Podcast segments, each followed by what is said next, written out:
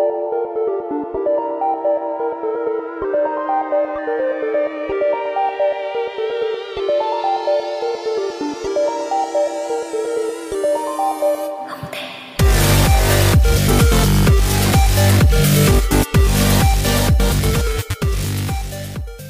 I witamy bardzo serdecznie w 180. odcinku podcastu Bezimienny.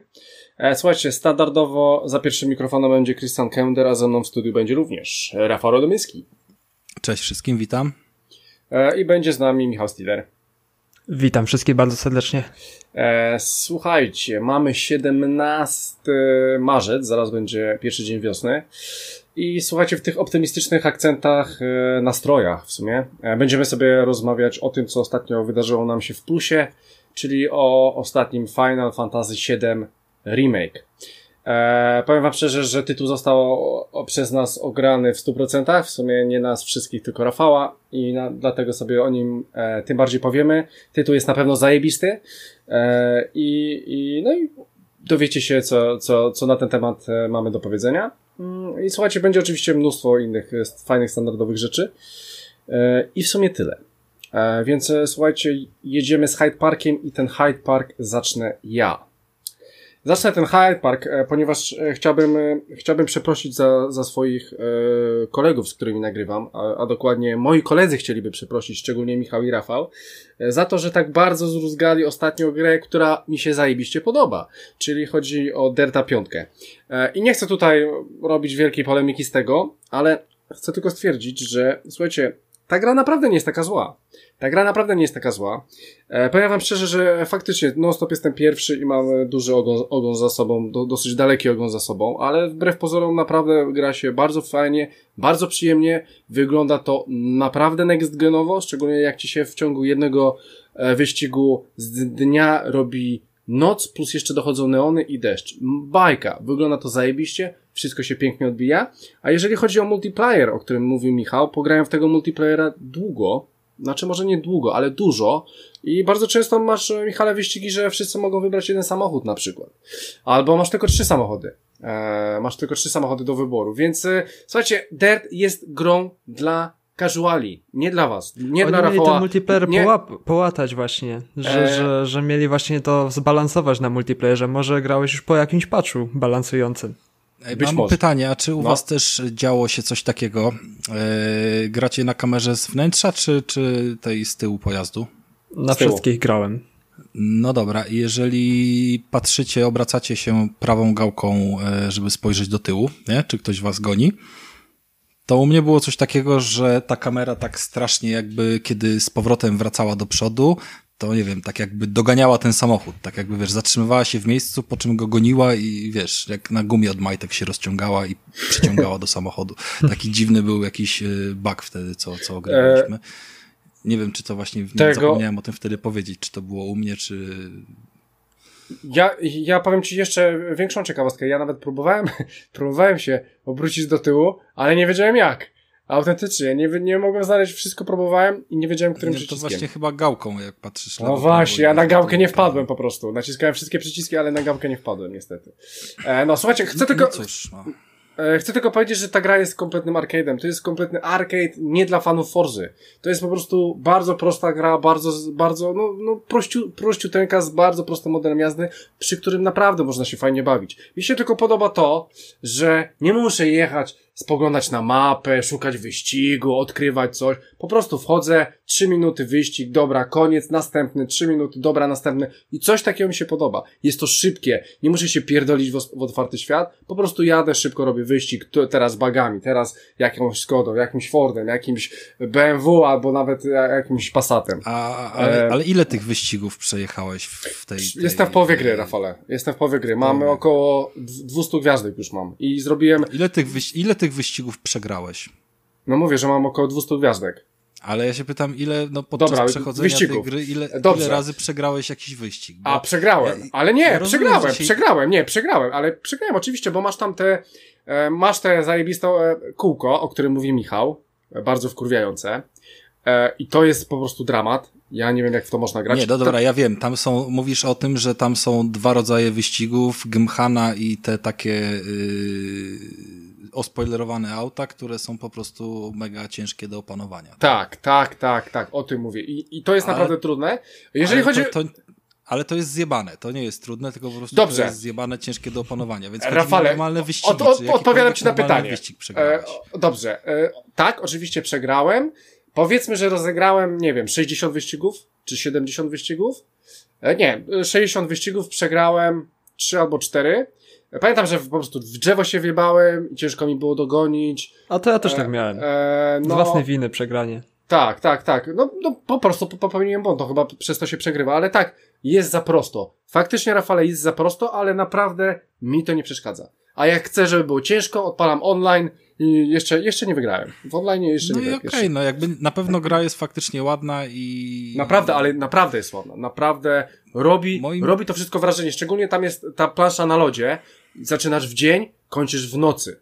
Kurwa, jak, jak to wszystko się odbija od tego, jak te neony od tego lodu się odbijają, jeszcze napierdala śnieg. No jak śnieg napierdala, to autentycznie miałem wrażenie, jakbym jechał normalnie w śniegu. Nic kurwa nie widziałem. I było tak ciężko, w sensie ten, ten obraz był taki nieprzyjemny, no jak w śniegu, no jak jeździ, jeździliście kiedyś w śniegu na żywo, no to wiecie o co chodzi, więc e, spoko. Myślę, że gra, gra nie jest takim głównym, jak się wydaje i naprawdę można z niej coś wychwycić. Nie, nie, nie, to nie jest tak, że w tej grze jest wszystko zjebane i ona jakby mechanicznie, technicznie za wiele się nie wypierdala i jakby wszystko, wszystko jest zrobione poprawnie, poza rzeczami, mhm. które tak naprawdę kilkoma paczami albo jednym można naprawić i my się nawet nie zorientujemy kiedy być może, mhm. więc y, dlatego, dlatego to jest kwestia warta y, rozważenia powrotu, jeżeli oni do tego sięgną. Tylko zdziwiony jestem, czemu właśnie wiesz, o tym nie jest głośno, bo, bo, bo wystarczyło jakby parę osób skrzyknąć, sięgnęło po tego dirta, tak, ale... do Game Passa, wiesz, z pięć czy dziesięć osób znajomych i każdy powiedział dokładnie to samo, że jest po prostu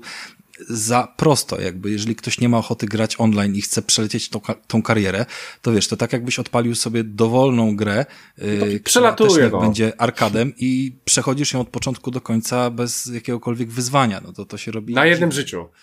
Na jednym życiu, dokładnie. No, to, to... E, tak, ja jeszcze, jeszcze chcę tylko dodać, e, o jednej rzeczy nie powiedzieliście, o ścieżce dźwiękowej. Naprawdę tam jest zajebisty Fajna soundtrack. Jest. Tak. Tak. E, fajny soundtrack wykupili, to są licencjonowane zespoły, parę zespołów ja znam i bardzo przyjemnie się do nich jeździ.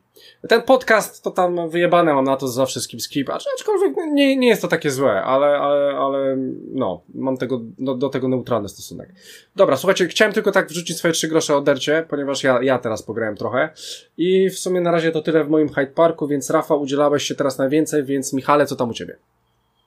Ja mam jakieś e, coś do Haterzona, bo ostatnio wyszła gierka na, na Switcha, która w sumie nie wiadomo po co tam wyszła, czyli Apex. A, no, no. 5 na 10 widziałem jakieś recenzje, no. 5 na 10? Kto, ktoś chyba, nie wiem, grał w, na jakimś innym Switchu, czy, czy nie wiem dlaczego, skąd się tam 5 wzięło. No. E, to znaczy, to jest gra, która nie wiadomo po co się tam pojawiła, ale jeśli ktoś no jak nie wiadomo po co tam się pojawia, no, no Michael, no jak to po co się pojawiła? Jest free to playką na, na, na Nintendo, więc y, dla pieniędzy się pojawiła, Michale. No ale jak się gra pojawia, to powinno da się w nią, dać się w nią grać. A mhm. Apexa na Switchu średnio da się grać, bo po prostu ta gra ta gra nie pasuje do tej konsoli. Ja rozumiem jakby jakieś inne tytuły free to play gdzieś tam się przeniosły, które by były fajnie zoptymalizowane. Ale w czym leży problem? Eee, nie ma, nie, ma, nie ma flow w grze. Apex to jest gra, gdzie po prostu spadamy na mapę, szybko wbieg, wbiegamy gdzieś do budynku, e, szukamy broni, wszystko składamy, musi być wszystko, wszystko w miarę ogarnięte. Ta gra jest bardzo szybka, ślizgi, skoki, gdzieś tam przebiegania i to ten flow rozgrywki na Switchu się traci, bo, bo ta gra nie wygląda dobrze w tej grze nie ma czegoś takiego jak taktyka, że przyczaimy się gdzieś z daleka e, ze snajperkami, bo po prostu nie widać z daleka. Grałem w obu trybach. E, grałem na telewizorze i grałem po prostu w trybie handheldowym, gdzie naprawdę mi było trochę szkoda moich biednych analogów switchowych, które już do trwałych nie, należą, nie należały nigdy, a w Apexie jeszcze dostają po tyłku, więc e, Pro Controller i telewizor jest rozwiązaniem. Ale mimo wszystko, jeśli ktoś ma zamiar grać na telewizorze to chyba lepiej, nie wiem, grać sobie na, na nawet starej PS4 czy starym Xboxie One, gdzie po prostu ta gra chodzi spoko. No i dziwnie, nie wiem dlaczego, po co ta, ta gra jest. Trochę ubolewam. Rozumiałbym sens, jakby ta gra miała cross-platformową profil, żeby po prostu zapisywał się progres, który mam gdzieś uciupany na Steamie, e, żeby mógł sobie ten profil po prostu przenosić na inne, na inne platformy, wtedy rozumiem. Okej, okay, Apex na Switchu, jadę sobie na urlop gdzieś do Polski, e, nie taszczę ze sobą całego Xboxa, całego kompa, całego PlayStation, tylko biorę sobie Switcha i sobie w domu po prostu rodzinnym u rodziców na urlopie sobie e, dalej progres w Apexie męcząc się tym, przy, przy, tym sobie dalej to ciągnę, ale no wszystko od nowa. Po pierwsze mi się nie chce, po drugie ciężko jest cokolwiek ugrać, bo po prostu ciężko w, w to gra, nie ma, nie ma tego flow, jak już wspominałem. E, ja, ja ten, no dobra, mów, Michael, mów. No, no śmiało. Okej, okay, bo chci chciałem dodać jeden minus do tej gry. E, znalazłem gdzieś tam na właśnie jakiejś stronie, gdzie, gdzie przeglądałem sobie te recenzje, że e, jeżeli jeżeli e, grasz sobie online, no bo Apex jest online, to w ogóle jesteś w gorszej sytuacji, bo crossplay jest włączony. Więc e, ogólnie jesteś w gorszej sytuacji, bo gra się gorzej. A jeżeli chcesz go wyłączyć, to są problemy w ogóle z, ze znalezieniem gry. Więc tak źle i tak niedobrze. To znaczy, znaczy nie widziałem. Ta, taką z, z innych platform czytałem. nie widziałem nikogo, nie spotkałem i nie miałem. Bo tam jak się wyświetla, gracze dołączałem do lobby, to jest pokazany kontroler, na jakim grają i, z, i pokazywało mi cały czas Joy-Cony, więc myślę, że, że ci gracze po prostu logowali się wszyscy ze Switcha, ale to było widać, że się gracze logują tylko ze Switcha, bo po ich poziomach, które tam były maksymalnie 16 i, i po ich umiejętności rozgrywki, gdzie ja przy pierwszym meczu po prostu mając już gdzieś tam tego skilla Apexowego w łapie, e, miałem trzecie miejsce w całej rozgrywce, w pierwszym meczu już, więc, więc trochę, trochę poziom wejścia jest, jest lekki mhm. i nie natrafiłem, bo to by było od razu odczuwalne, że ktoś e, gra na PlayStation i ma przewagę nad tobą, bo by po prostu z daleka ściągał i, i i po prostu było ciężej, ale po prostu wszystkie rozgrywki, które ja grałem, były bardzo łatwe i, i chociaż ciężko się w to gra. Nie ma przyjemności, jaką daje Apex, bo Apex to jest fajna, szybka gra, a na Switchu gdzieś to się gubi i, i to mi się nie podoba. To jest tylko chyba dla takich, co mają gdzieś Switcha i są naprawdę uzależnieni, żeby klepać daily challenge, nawet jeśli nie mają dostępu do konsoli stacjonarnej czy PC-ta gdzieś tam pod ręką, pod Wi-Fi, gdzieś w hotelu, czy, czy gdzieś w rozjazdach, żeby sobie po prostu Apexa mm, pograć.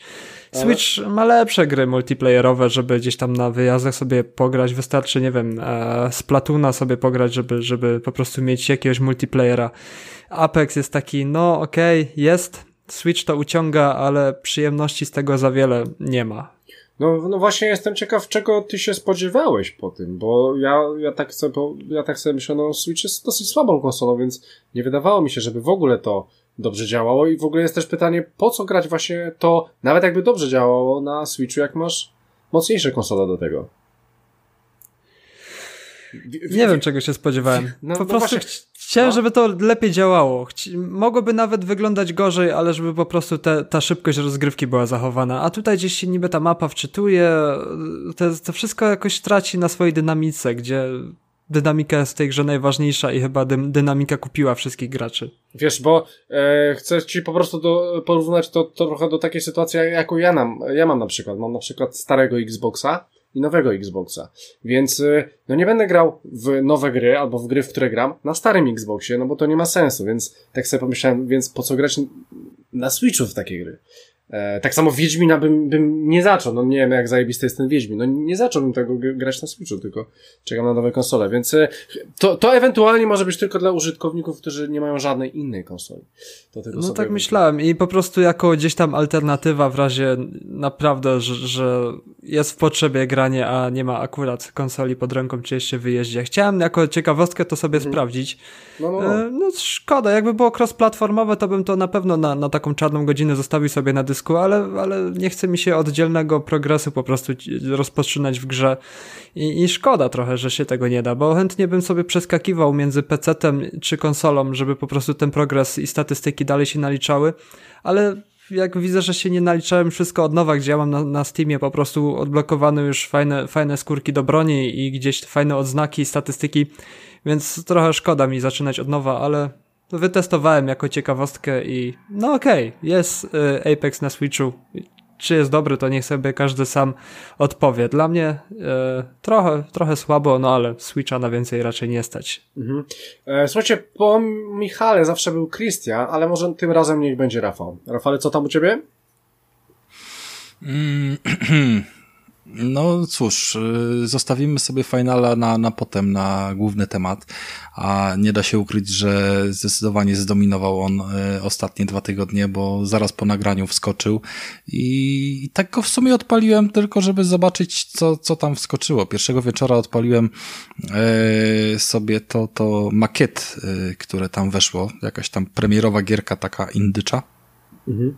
I, I następnego dnia już poszedł final i, i ten final został tak naprawdę do, yy, do przedwczoraj, więc, więc yy, nic innego w międzyczasie nie odpalałem, chyba że do jakiegoś tam kopa na trochę.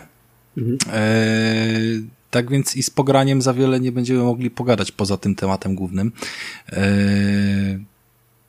Na pewno muszę pochwalić w jakiś Dziękuję. sposób w jakiś sposób to, co się wydarzyło z Crashem. 12 marca wskoczył e, Crash, który już był omawiany w wersji mm, next-genowej, jakby zarówno na Xboxie, jak i na PS5 z darmowym update'em. E, były co prawda małe problemy przez pierwsze kilka dni z e, update'em dla niektórych osób, zarówno tam podobno ci, co kupili przedpremierowo, jak i ja na przykład z płyty nie mogłem tego update'a odpalić, ale to zostało naprawione jakimś tam tam patchem po, po, po dwóch, trzech dniach. E, co wydaje się istotnym być szczegółem, bo bardzo, ale to bardzo mnie to wkurwiało przy Sackboyu mm, i, i chyba ten problem poruszałem mm, gdzieś tam go omawiając tutaj, e, to, że pomimo, że była gra zainstalowana w wersji na PS5, to no, płyta wiadomo od PS4 włożona do napędu, przy każdym po pieprzonym uruchomieniu gry próbowała zainstalować jeszcze raz tego Sackboya z PS4. Po prostu nie dało się jakby tego, wiesz, przetłumaczyć, żeby tego nie robiła. Chyba, że miejsca brakowało na dysku, ale to i tak wywalało powiadomienia, że brakuje miejsca, żeby zainstalować grę. E, nic nie zmieniłem w ustawieniach konsoli, jakby dalej wszystkie aktualizacje są na automacie i, i tego typu rzeczy, ale z Crashem nie ma takiego problemu. Jak raz już wybrałem, że instaluję wersję z e, PS5, która co ciekawe wykorzystuje bardzo mocno e, systemy mm, kompresji danych i, tak samo wersja Xboxowa zajmuje 22 GB, Playkowa tylko 20 GB, podczas gdy oryginał na PS4 siorbie aż 45, w związku z czym to jest ogromna różnica, że, że tą samą grę mamy, wiesz, dwa razy lżejszą i no i w gruncie rzeczy, jeżeli tak to ma wyglądać, bo jakby wciąż odpalamy większość gier, które jeszcze idą z poprzedniej generacji i nierzadko zajmują one po 80-90 giga, tak jak chociażby ten Final, prawda, albo, albo Cyberpunk. Ale jeżeli w ten sposób mogą, jeżeli ktoś się do tego przyłoży, wiesz, y, ważyć i wyglądać gry, mm, które są zoptymalizowane pod, pod y, nasze nowe sprzęty, to fajnie, bo, bo to by oznaczało, że yy, będziemy sobie je szybciej pobierać i lepiej z nich korzystać. Na pewno zawiodło mnie to, jak w tym remake'u yy, wykorzystali opcje. No widać było, że polecieli po prostu porówno razem z przygotowaniem wersji na PC-ta, yy, która, która dorzuca tam, yy, wiadomo, rozdzielczość i, i tego typu jakieś yy, bonusy. To po prostu ona została przeniesiona na jedną i na drugą konsolę. Nie ponieśli jakichś specjalnych kosztów i, i nakładu pracy na to, żeby dostosować na przykład wibracje, żeby one były inne, więc yy, no, czucie tak jak czuć w DualSense zawsze wibracje, to są inne wibracje niż w klasycznym padzie, ale, ale nie są w żaden sposób one tutaj, wiesz, wyrywające z butów. Można powiedzieć, że to jest to samo. W ogóle się zastanawiałem, czy te wibracje są na początku. Jak zacząłem grać, musiałem się specjalnie nad tym zacząć zastanawiać i skupić, czy, czy ja czuję, żeby coś wibrowało. Mhm. Podobnie nie czułem e, triggerów, żeby, żeby w jakikolwiek sposób, wiesz, się odpalały. One tam za specjalnie też e, nie mają funkcji. To są tylko jakieś tam dodatkowe funkcje przy poszczególnych e, maskach, które się mm, tam potem zmienia, więc być może z postępem gry do czegoś tam dotrę, ale, ale no tutaj gram bez przeniesienia postępu jakby od nowa w tą grę, więc świadomie ją wtedy przerwałem dosyć jakby z niedużym postępem i, i sobie teraz z przyjemnością nadrobię. Ale chodzi zajebiście. Tutaj nie ma co ukrywać, że y, trzyma te 4K praktycznie cały czas i, i, i spadków płynności nie odnotowałem. Y, momentalnie się wczytuje i wczoraj przeszedłem trzy pierwsze levele jakby z doskoku w czasie krótszym niż wydawało mi się, że w ogóle y, za poprzednim razem rozpocząłem grę, obejrzałem wszystkie filmiki jakby z pierwszego poziomu, bo, bo naprawdę natychmiastowo się wszystko wczytuje, natychmiastowo reaguje na przewinięcia załóżmy filmików i, i na śmierci i tak dalej. Zapierdala po prostu ta gierka. Y, I co lepsze, no tam są różne systemy wyzwań, tak? Już jakby wiadomo, że każda platformówka to ma, więc ja, ja nie tracę czasu na to, żeby je opisywać ze szczegółami, ale y, dwa jakby takie najbardziej mm, upierdliwe wyzwania, to, to pierwsze jest ze znalezieniem wszystkich skrzynek na każdej mapie, a drugie, że na chyba każdym levelu, tak przynajmniej mi się wydaje, jest gdzieś ukryty y, klejnot i on jest raczej ukryty w takim miejscu mało widocznym, które jesteś w stanie zobaczyć zobaczyć tylko z y, odpowiedniej perspektywy, z fartem i, i tego typu rzeczy. Ja słuchajcie, przechodząc te trzy levele, znalazłem trzy takie kryształy ukryte, e, gdzie przy poprzednim przejściu tej gry i jakby grałem też od razu z chęcią zrobienia na 100%, e, dostrzegłem tylko jeden z tych e, ukrytych kryształów. E, plus e, od razu udało mi się też e, wyczyścić dwa levele na 100% ze skrzynek. Mm, gdzie poprzednio ich nie dostrzegłem. I to jest efekt y, dokładniejszej jakby prezencji gry, jej rozdzielczości i tego typu rzeczy. Tam są takie momenty, w których na przykład y, wychodzi się z jakiegoś, nie wiem, tunelu, drzwi czy coś w tym stylu mm, i widzimy przed sobą pozostały fragment mapy, y, wyrenderowany do samego końca, czyli wszelkie tam elementy ruchome, platformy i tak dalej ruszają się przed nami nawet te powiedzmy, może nie kilkaset, ale kilkadziesiąt metrów do przodu przodu i kamera się wtedy, wiecie, zbliża do ziemi i pokazuje to z takiego ujęcia w górę, prawda? Eee, czy po prostu no, zmienia swoje położenie, żeby pokazać jakiś tam fragment mapy. I w tym momencie można się zatrzymać, sobie podejść do telewizora i zobaczyć całą tą mapę do końca e, wyrenderowaną, pracującą, na tyle szczegółowo, żeby zobaczyć tam skrzynki z daleka, które jeszcze są e, do zdobycia i ewentualnie w ten sposób wypatrzeć e, miejsce, którego nie zobaczysz, jak potem kamera będzie z bliska i będzie ci blokowała.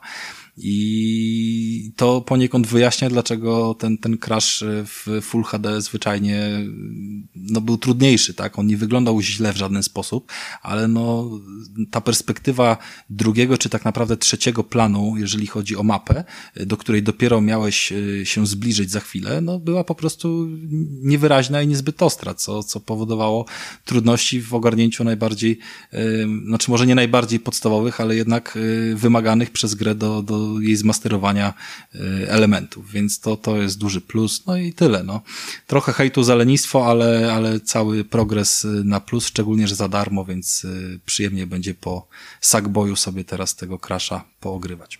Mhm. Słuchajcie, e, teraz ja, ja powiem, że mm, e, w ogóle z tego miejsca chciałem pozdrowić Tomka, E, ponieważ ja jestem dosyć koleżeńską osobą, tak? I, i, I wiem, że Tomek wchodził w świat Fallouta 76 i bardzo chciałem mu pomóc po prostu postawić te pierwsze kroki i tam poprosił mnie, żebym wpadł, tam pomógł tam z tym światem u niego, no i oczywiście wpadłem i, i, i świetnie się bawiliśmy, więc z tego miejsca, z tego miejsca chciałbym go poprosić, ale powiem wam szczerze, że nie mogłem go znaleźć na tej mapie. Więc e, ja kampiłem się w różnych miejscach i dopiero w jednym miejscu udało mi się go zabić. Więc e, z tego po pozdrawiam Tomka i słuchajcie, jak już jesteśmy przy Falloutie, więc e, jak już dobrze wiecie, Xbox Microsoft wprowadził opcję FPS Boost, Boost, sorry, Boost, e, która po prostu wprowadza, że w stare gry dostają klatki. E, no i słuchajcie, sprawdziłem sobie akurat e, z Tomkiem świetnie się bawiąc właśnie w Falloutie 76 E, I powiem wam tak, po pierwsze, działa to i faktycznie miałem 60 klatek, e, ale tam e, była taka opcja, jak zaznaczacie to, to macie informację, że rozdzielczość może się zmniejszyć. No i powiem wam, powiem wam szczerze, że nie dość, że rozdzielczość mi się zmieniła, to miałem wrażenie, że detale mi poszły się jebać. Szczególnie draw, draw distance e, dostałem najbardziej po dupie. Tam w oddali to już było tak już strasznie porozmywane, więc powiem wam, że akurat Fallout może nie jest do, dobrą, e, dobrą grą, żeby próbować takie rzeczy. E, fakt, faktem, że działa i po prostu musicie sobie sami, ewentualnie, jeżeli chcecie się bawić w takie rzeczy, e, zobaczyć, czy to faktycznie e, będzie wam potrzebne i czy ma to sens. No bo akurat w Falloutie kompletnie się to nie sprawdzało, aczkolwiek no, 60 latek miałem.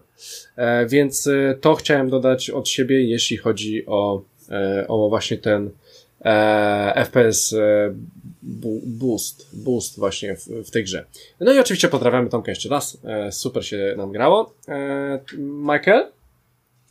Ja chciałem spytać, czy warto w ogóle zaczynać Fallouta grać, skoro jest teraz wszystko w Game Passie i chodzi za mną ta gra, bo coraz więcej pozytywnych opinii słyszę o niej. Czy, yy, no, Tomek czy... próbował, wejdziesz na planszę i cię zapierdoli ktoś z 70 levelu. No jakby dokładnie tak będzie wyglądała twoja gra. Będzie dokładnie e, ale... tak, jak w Apexie grałeś, tylko na odwrót.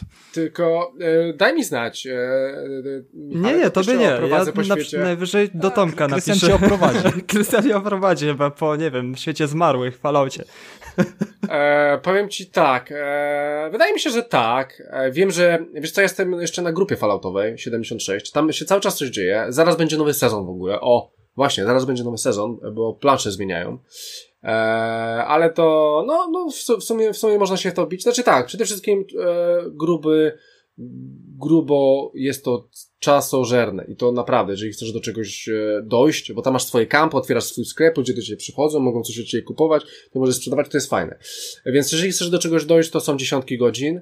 E, fajnie się w to gra, ale mam wrażenie, że jak nie masz jakiejś ekipy, to wkradnie ci się nuda, i to szybciej niż ci się wydaje, bo jednak mimo wszystko tam dużo pozmieniali, dali tych NPC-ów, więc to, to się fajnie wszystko teraz robi, no bo gadasz z normalnymi ludźmi, idziesz na misję, wracasz, bla, bla i tak dalej, e, ale obawiam się, że to nie jest tak głębokie jak normalny Fallout 4, który w sumie też jest w Game Passie, e, czy New Vegas, więc to może się samemu z to może ci się samemu znudzić ze względu właśnie na brak ekipy, no bo to jest jednak trochę nastawiona gra na e, online i to też w trochę taki głupi sposób, bo niektóre misje musicie robić na przykład samemu, bo, bo, bo to jest Bethesda, e, nie ogarniesz tego. E, są oczywiście, na przykład jest ostatni boss, na którym się, wiesz, 10 osób, wszyscy, jest wybuch atomowy, wiesz, że zaraz wywalnia atomówka, wszyscy idą do okręgu i zaraz wychodzi boss, i wszyscy go nawalamy w 10 osób, to jest, to są, to są zajebiste momenty, wiadomo, ale żeby do tego dojść, to potrzebujesz, te, nie wiem, 50 godzin gry, żeby w ogóle móc bawić się z taką osobą, więc no nie wiem, Michale, wiem, że jesteś e, samotnym wilkiem, e, jeżeli chodzi o konsolę. E, no, coraz bardziej masz, ostatnio się tak no, odcinam od multi. E, masz mniej, więcej przyjaciół, przyjaciół znajomych, e, jeżeli chodzi o pecety, więc, chociaż na pececie chyba też jest Fallout. E, Ale też Pasie, solo gram na pececie. E, no więc, nie wiem, no powiem Ci tak, jeżeli masz z kim grać, to jeżeli masz z kim grać, to tak, jeżeli nie, to raczej nie, to bym, e, to bym poczekał na tego, tych Outridersów z tym, że chodzisz późno spać, więc zostaniesz sam. Znaczy, chodzisz wcześniej spać, sorry, chodzisz wcześniej spać, więc będziesz grał sam, albo nie będziesz grał w ogóle. No, e, no ale, no, ale, ale nie. Wydaje mi się, że, że duży próg wejścia jest w to i samemu jest średnio. Zobacz, Tomek pisał, że trzy albo cztery razy się już odbił. I wcale mu się nie dziwię. Naprawdę mu się nie dziwię. Też mu się gdyby... nie dziwię. Po wczorajszej reakcji, jaki był niezadowolony. Słuchaj, to jest brutalny świat Apalachi. Tutaj przeciwnicy chodzą zewsząd, więc trzeba, trzeba być czujnym, trzeba uważać, tak? E, no, On nawet nie więc... zdążył się rozejrzeć, widziałem. Słuchaj, ja, na tym filmiku to ja już strzały słyszałem, a jeszcze mu się nie wczytało. No właśnie, było ciemno, drzwi gdzieś tam przechodził i już nie żył później. No słuchaj, no, to, to, to, jest, to jest bardzo brutalny świat. No. E, no więc, e, no nie. No, myślę, to przemyślę tych Outridersów lepiej, bo prze, prze, ciężko mi wchodzić w dużą grę, tak. która jest gdzieś już rozwinięta, już jest ileś dodatków. Ja wiem, że tak się odbijam od Destiny dwójki, że wszedłem w Destiny już, gdzie już było po prostu rozwinięta ta rozgrywka i już było po ileś dodatków i nie wiadomo o co chodziło i wszyscy byli wykokrzeni, a ja sobie po prostu biłem mopki na pierwszym levelu i takie to było, e, no fajnie by było i, i takie miałem uczucie, szkoda, że nie zacząłem e, w Destiny 2 od początku grać. I teraz Outriders właśnie daje taką możliwość, tym bardziej, że będzie w Game Passie e, na day one, czyli na premierę. Więc zobaczymy, może się w Outriders uda coś więcej ugrać. No, Microsoft zaorał tym, to na pewno. Będę się śmiał, użytkownicy PlayStation 4, 5, 289, my za darmo. Eee, ale powiem Ci, e, że po prostu w Falloutie też nie ma PvP żadnego, więc e, to też, też troszeczkę inna gra. Eee, I wyszedł jeden dodatek, taki duży dodatek, który wprowadzał e, kampanię i ludzi i to też nie jest tak, tak jak w Destiny, że musisz gonić. Tutaj nic nie gonisz, robisz swoje, ponieważ na 50 levelu już nie dostajesz punktów do ulepszenia. Więc 50 level to jest, e, można powiedzieć, że ostatni. Tam, tam dobijasz takie dodatkowe rzeczy, ale one aż tak dużo nie zmieniają. E, I są ludzie, którzy mają po 500 level, ale to i tak nie ma takiego większego znaczenia, bo ten z 50 może ich rozjebać. Oczywiście mają pewnie lepsze itemy, ale, ale to, to, to nie jest tak czasochłonne jak Destiny jednak i nie musisz w to napierdalać. E, tu jest troszeczkę lepiej, jeżeli chodzi o to. E, no, ale no mówię, no to tu trzeba mieć chyba znajomego e, Michale, szczególnie, że no, no, no dużo gier wychodzi strasznie i kurczę, zostawać w Falloutie jest trochę ciężko. Naprawdę ciężko. Powiem Ci, że ja już mam te 70 level, mógłbym jeszcze grać, ale już już po prostu tak po prostu mam wyjebane na tą już trochę. Już, już, już za dużo. No i pewnie byś się, byś się trochę wynudził, jakbym wszedł z pierwszym levelem, ty masz 70, już wszystko widziałeś i bym powiedział, ej, zagrajmy, a, a, a ty do mnie, a co ty chcesz tutaj w ogóle na pierwszym levelu, co masz, co, ma, co, mam, co masz ze mną robić w ogóle? No tak, tak, tak. To, to na pewno, bo ja robię zupełnie inne rzeczy, tak, tak, tak, więc no tylko ewentualnie, żeby, żeby cię przywitać, nie tak jak Tomka, to, to, to mogę no, wpaść. I zniechęcić. O super, pograne, uh, uninstall no. i mogę dalej swoje gierki śmieszne grać. Dokładnie tak. Eee, masz coś, Michale? No mam o, coś śmiesznego. Mam kolejny narkotyk, którego, który tobie na pewno, myślałem o tobie jak w to grałem, bo na pewno by tobie podpasował. Fuck! Powiesz o tym teraz. Tak, Loop Hero na Steamie, fuck, na, na Gogu fuck. 15 euro gierka, która wygląda jak e, to na wszystkim pójdzie, nawet na Switchu i nawet na wadze, jeśli kuchenny, jeśli macie ekranik w niej, to może można w Loop Hero sobie pograć. I słyszałem bardzo dużo pozytywnych opinii o tej grze, bo ta gra wybuch przyszła, nadeszła znikąd, e, wybuchła na Steamie, na Twitterze, wszyscy się zachwycają, że, że narkotyk, że wciąga. Mówię, no roguelike, ok, to już mnie, to już mnie przekonuje. Jestem kupiony jak widzę roguelike, bo jestem fanem tych, tych, tych, e, tego gatunku. O Jezu, jak to, jak to weszło. E, nie grałem dużo, bo, bo, nie miałem czasu, bo spędzam w pracy tyle czasu, że szef chyba będzie chciał czynszu ode mnie, bo już tam prawie mieszkam w pracy. No i pograłem sobie godzinkę, ale już co nieco mogę opowiedzieć i mogę już zapewnić, że to jest straszny narkotyk, do którego po prostu będzie chciało się wracać i wracać i ja też... E, czerpię satysfakcję z tej gry. Czerpałem taką wczoraj wieczorem, że po prostu po nagraniu dzisiaj na pewno wracam do tej gierki i będę dalej, dalej ratował świat. A o co chodzi w tej grze? E, ta gra jest światem, który jest złapany w pętli chaosu. Tak to jest tłumaczone. I wszystko dzieje się w kółko w tej grze i nasz bohater e, wychodzi z wioski i chodzi w kółko po takiej małej planszy. E, kto, kto tego słucha, może sobie gdzieś tam Google odpalić mniej więcej do, dla podglądów, jak taka plansza wygląda. To jest taka dróżka e, z różnymi zakrętami, z, róż, z różny, no, dróżka do przejścia dla naszego bohatera. I nasz bohater sobie e, po tej pętli czasowej, że tak powiem, sobie chodzi w kółko po tej planszy i zabija potworki. Mm, nasz bohater sobie chodzi, a naszym zadaniem jest ulepszać ekwipunek, bo po prostu napotykamy na swojej drodze y, różnorakich wrogów, którzy się spawnują i naszym zadaniem jest y, uprzykrzanie sobie losu. Czyli dodajemy sobie poziom trudności, stawiając sobie różne rzeczy, na przykład e, gniazdo pająków możemy sobie na tej drodze postawić, że na drodze pojawiają się co jakiś określony czas gniazdo pająków, ale z tych pająków, kiedy ich zabijemy, możemy wydropić sobie lepsze itemy. Więc automatycznie nasz bohater, który chodzi sobie po tym kółku, po takich walkach rośnie w siłę, bo po prostu czy to wylosuje nam nową tarczę, czy jakiś, jakiś ciekawy item polepszający nam zdrowie. I każdy item ma jakieś, e, takie karty zbieramy. I trochę myślałem na początku, że to jest e, gra karciana, ale to nie jest gra karciana, to jest taki no, roguelike. I mm, Chodzimy w kółko, zbieramy te karty, e, zarzucamy sobie drogę tymi wszystkimi przeciwnościami losu i z tego kasujemy sobie coraz, coraz lepsze, coraz lepsze itemy, coraz lepsze budynki, karty i po pokonywaniu tych wrogów e, coraz lepsze rzeczy. E, walka odbywa się automatycznie, że to jest taki, taka gierka, którą można sobie puścić na drugim monitorze podczas oglądania Netflixa, że ten bohater sobie tak tam chodzi, my oglądamy sobie serial i co chwilę, i co jakiś czas wciskamy spację, ulepszamy mu ekwipunek, posyłamy go dalej i on sobie tam dalej w tej pętli walczy. Więc to jest takie bardzo chilloutowe, żeby sobie w to pograć i naprawdę wciąga, żeby po prostu kolejne, kolejne dni, bo tam e, dni mijają, co i wszystko wpływa na nasze statystyki. Statystyk jest tam pełno, wrzucamy sobie coś, co kradnie życie e, z naszych wrogów, kiedy ich uderzamy, więc się leczymy na, w ten sposób.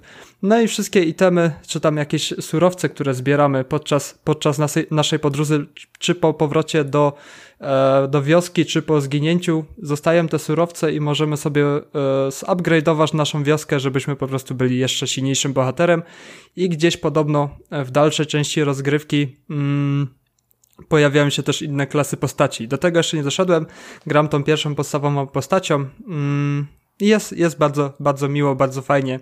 No i gra wygląda po prostu jakby jakaś stara gra wyciągnięta prosto z Amigi.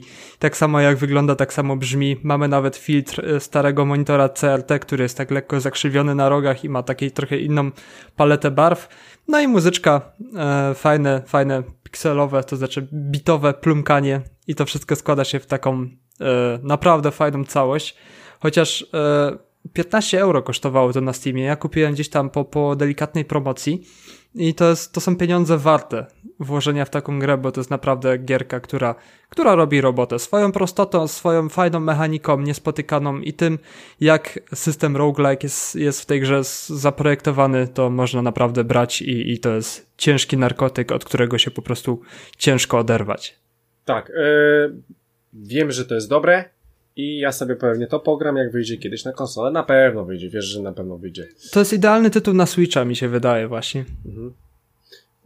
Żeby gdzieś tam sobie po prostu w trybie handheldu te kilka rundek sobie szczelić i, i to jest idealny tytuł na, ten, na tą platformę. No, ale co, polecasz? Ja, jak najbardziej. Ale takie, jakbyś miał powiedzieć, to tak z, z tych roguelike'ów lepsze niż gra, którą, która jest na PC, w której też nie, nie możemy zagrać, jak nie mamy PC, czyli Hades. Co, w co miałbym bardziej wejść? W Loop, w Loop Hero czy w Hadesa? Hmm, ciężko porównać te gry, bo ta tak, gra jest wiem, bardziej strategiczna. Tak, tak, tak, tylko, tylko tak myślisz, że ale ja y, na przykład znam ciebie i wiem, że lubisz te wszystkie mm, karcianki typu Monster Train i tak dalej. I no. właśnie skierowałem się Tobie bym może tak nie polecał Hadesa, bo wiem, że okej, okay, lubisz tam The Binding of Isaac, te, te wszystkie gry, mhm. ale jak znam ciebie, tak tobie właśnie polecam bardziej Loop Hero, bo to jest gierka no, dla ciebie, no, rozkmina, rzucanie tych kart i tak dalej, to jest właśnie, to jest właśnie coś, coś, co by ci się spodobało na pewno. Mówisz okay. o Switchu, a czy nie uważasz, że równie dobrze, a może nawet i bardziej ona by się mogła sprawdzać na telefonach? I że to nie będzie pierwszym jakby kierunkiem tutaj rozwoju?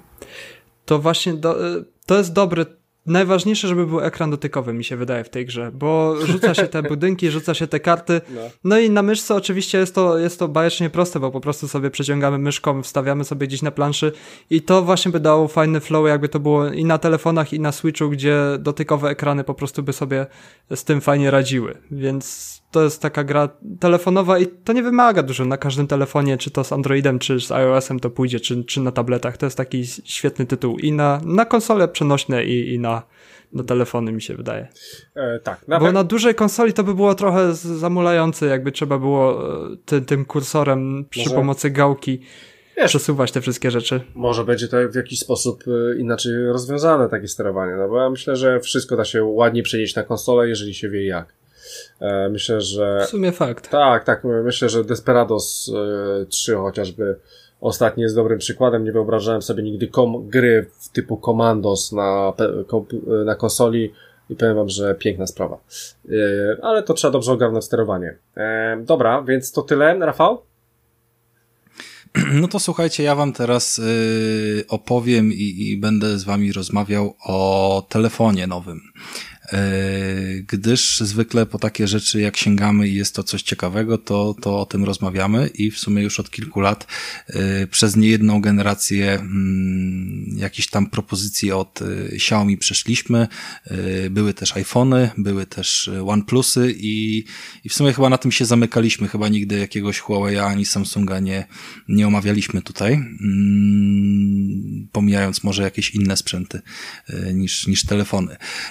No i tak się wydarzyło ostatnio, że była premiera mm, nowego telefonu od Xiaomi, przy czym dosyć wytrwale od wielu lat jednak cebuliłem dosyć mocno w tej kwestii, wyznawałem zasadę, że nie ma sensu wydawać więcej niż 1000 czy, czy 1200 zł na telefon i, i, i lepiej jest wydać właśnie tyle i ewentualnie za rok go wymienić, zanim mm, po prostu technologia, znaczy inaczej, przez rok technologia pójdzie na tyle do przodu, że w tym 1000 zł będzie bardzo dużo nowych treści zawartych. I w gruncie rzeczy faktycznie tak się dzieje, bo rok temu z hakiem w okolicach listopada, grudnia wam mówiłem o y, ówczesnym Redmi Note 8 w wersji Pro, który był y, bardzo, bardzo mocnym, bardzo fajnie dopracowanym telefonem y, z wieloma tam y, wyróżniającymi parametrami, tak, typu, typu y, mocny procesor, chociaż nie y, żaden Snapdragon, tylko właśnie mm, mający jednak złą sławę Mediatek, no bo po prostu prostu jest zwyczajnie mniej popularny i tam kiedyś historycznie były jakieś problemy. Yy, no i, i kilka innych bonusów, tak? I było ogromna bateria, fajny aparat, tam 64 megapiksele, yy, w ogóle, w ogóle super cudownie. Jak za tysiąc tam sto czy yy, ileś tam złotych, to, to naprawdę było spoko. Dzisiaj jest premiera Redmi Note 10 Pro dlatego że y, to, to wypada co pół roku i już od kilku lat y, uważam, że te nieparzyste, y, nieparzyste odsłony są jakby, no kompletnie nic nie wnoszą i nie ma tam żadnych nowości poza, poza jakimś bełkotem marketingowym, więc, więc są kompletnie przeze mnie ignorowane i w sumie bardzo mocno czekałem na tą premierę dziesiątki Pro, bo wiedziałem, że pójdą mocno do przodu. I tak się faktycznie stało. Telefon jeszcze co prawda nie jest oficjalnie tam w Polsce wyceniony. Obstawiam, że to będzie tam od startu 1200, może, może 1300 zł. Natomiast y, spodziewać się możemy kilku bardzo, y, bardzo dużych zmian, jeżeli chodzi o tą klasę cenową. Przede wszystkim mamy ekran zmieniony z IPS-a, czyli powiedzmy coś, co jest standardowym y, LEDem, na AMOLEDa. I to jest chyba pierwszy raz w tej klasie cenowej telefonów zastosowane, a do tego od razu jest to ekran 120 Hz co też jest y, dzisiaj przyjemną już powoli normą y, i fajnie, że to schodzi też do takiej półki cenowej. Y, ostatnio też inny telefon z takim ekranem, tylko nie AMOLEDem, a zwykłym jakby IPS-em miałem w rękach i to zupełnie zmienia korzystanie z tego telefonu. Nie chodzi o te 120 Hz, które mm, wiecie, które kojarzymy z konsolami i tak dalej, że to ma w grach się jakoś super sprawdzać, to po prostu zmienia płynność całego ekranu i głupie scrollowanie, czy to przeglądarki internetowej, czy wiadomości, czy, yy, czy Facebooka, czy innych aplikacji jest po prostu niewiarygodnie wyraźne. Jakby cały obrazek, tekst, czy cokolwiek tam akurat scrollujemy jest widoczne i czytelne przez yy, cały czas scrollowania, tak? No bo tak ten ekran y, fajnie to odświeża i te 120 Hz na tyle mm, robi robotę przy takim y, dynamicznym ruchu, więc y, jeżeli na jakiekolwiek funkcje będziecie patrzyli przy wyborze kolejnego telefonu, to niech 120 Hz w wyświetlaczu będzie pierwszą z tych, które, które chcecie mieć. E, I oprócz tego zajebistego wyświetlacza yy, dorzucono jeszcze, no oczywiście bateria jest, jest taka jaka była, yy, dorzucono jeszcze matrycę 108 megapikselów, więc, yy, więc też aparat jakby tam poszedł do przodu, poprawili też jakieś tam inne parametry, kamerki i tak dalej. Oczywiście zostawili moduł NFC i, i wszystko jakby tam jest yy, na wysokim poziomie, jakaś ilość pamięci RAMu i procesor też, też nie odstają. Yy, więc to jest bardzo fajna opcja dla, mm, dla osób, które chcą wyznawać tą, tą moją teorię, że lepiej co roku yy, dokonać zmiany i, i pójść razem z trendem rynku, bo zwyczajnie rzeczy pewne będą niedostępne yy, dzisiaj, które za rok będą normą. A kupić telefon, który ma starczyć nam na 3 lata, to oznacza, że zostaniemy daleko za murzynami. Yy, niestety ja na tej teorii się wyłożyłem i dałem się e, ponieść e, cebulowej promocji, która się pojawiła parę dni wcześniej, zanim jeszcze to wszystko, o czym przed chwilą powiedziałem, było w ogóle e, wiadome, bo najpierw odbyła się premiera flagowego modelu od Xiaomi, czyli Mi 11 no telefon jak telefon już miał swoją premierę na świecie, to była jakby premiera e, tutaj europejska i polska, więc, e, więc nie stanowił on tajemnicy, natomiast e, mnie w ogóle nie interesował, bo, bo był z tej półki flagowców, czyli kosztował i kosztuje w zasadzie mm, od premiery jakieś 3,5 tysiąca złotych, bądź 3700 w mocniejszej wersji, w sensie z większą pamięcią, mm, sięgającą tam 256 gigabajtów już. I to jest cena, która dla mnie zawsze blokowała jakby opcję no, noszenia, nie wiem, czegoś o takiej wartości w kieszeni, pomimo, że no wiem, że dla wielu to nie stanowi problemów, czy, czy iPhony, czy OnePlusy jakby są w tej cenie już od y, dłuższego czasu y, dość normalne. Y, no i cóż, kluczem do wszystkiego okazało się magiczne słowo promocja, czy też po polskiemu cebula, mm, gdyż do takiego telefonu w gratisie, tym, którym się udało w przedsprzedaży złapać, złapać, y, dorzucane były gadżety i to nie była folia na ekran, która swoją drogą od razu w fabryce jest naklejona i już się na telefonie y, znalazła, tylko był to odkurzacz od Xiaomi, taki wiecie, ala rumba domowy i tak dalej. Więc wartość, y, wartość gadżetu w postaci tam 1000-1200 zł spowodowała, że mm, no, atrakcyjność była dosyć mocna. No i Czyli... momentalnie, to zeszło momentalnie, to, to jakby było tempo wyprzedawania się nowego rzutu PS5. E, niemniej jednak e, zostało to zrobione sprytnie akurat w Polsce, bo mało kto wie, że salony Xiaomi, które są już w większości galerii, e, przynajmniej w każdym dużym mieście jakiś salon taki jest otwarty, nie należą tak naprawdę do jednej firmy, jednej spółki, tylko są co najmniej ich trzy. Dlatego mamy też w internecie różne strony internetowe typu Mi Home, Mi Store oraz Mi Markt, E, do nich też poszczególne markety są podpinane. Być może to wszystko jest w jednych rękach, ale inaczej pozycjonowane, bo, bo wiadomo też te sklepy, galerie są różne i co ciekawe mają różne ceny. Do tego też zaraz, yy, znaczy w sumie nie będę zaraz wracał, tylko powiem od razu. Yy, do telefonu chciałem dokupić yy, ładowarkę samochodową. Yy, ładowarka samochodowa z przesyłką z AliExpress kosztuje jakieś 130-140 zł. Mówimy o takiej ładowarce, która bezprzewodowo ładuje telefon, czyli jakby sama w sobie jest uchwytem z wmontowaną ładowarką tam, tam bezprzewodową. No i 150 zł w jednym, w jednej galerii i na jednej stronie internetowej, 180 w drugiej galerii i na drugiej stronie internetowej, 200 zł w trzeciej galerii i na trzeciej stronie internetowej, więc yy, warto sprawdzać. Każdy z tych, yy, z tych trzech stron, o której powiedziałem, jak coś chcecie kupić z oficjalnej dystrybucji, bądź co bądź to jest gwarancja lepsza niż zakup na Allegro i yy, jeżeli zakupiłem to za 149 zł, a Allegro najtańsze oferowało 145 taką importowaną z Chin, no to chyba pokazuje, że, że jednak można w miarę normalnie to kupić fajnie po, po y, normalnych cenach, tylko trzeba po prostu być, być świadomym tych y, kilku kilku rzeczy, kilku szczegółów.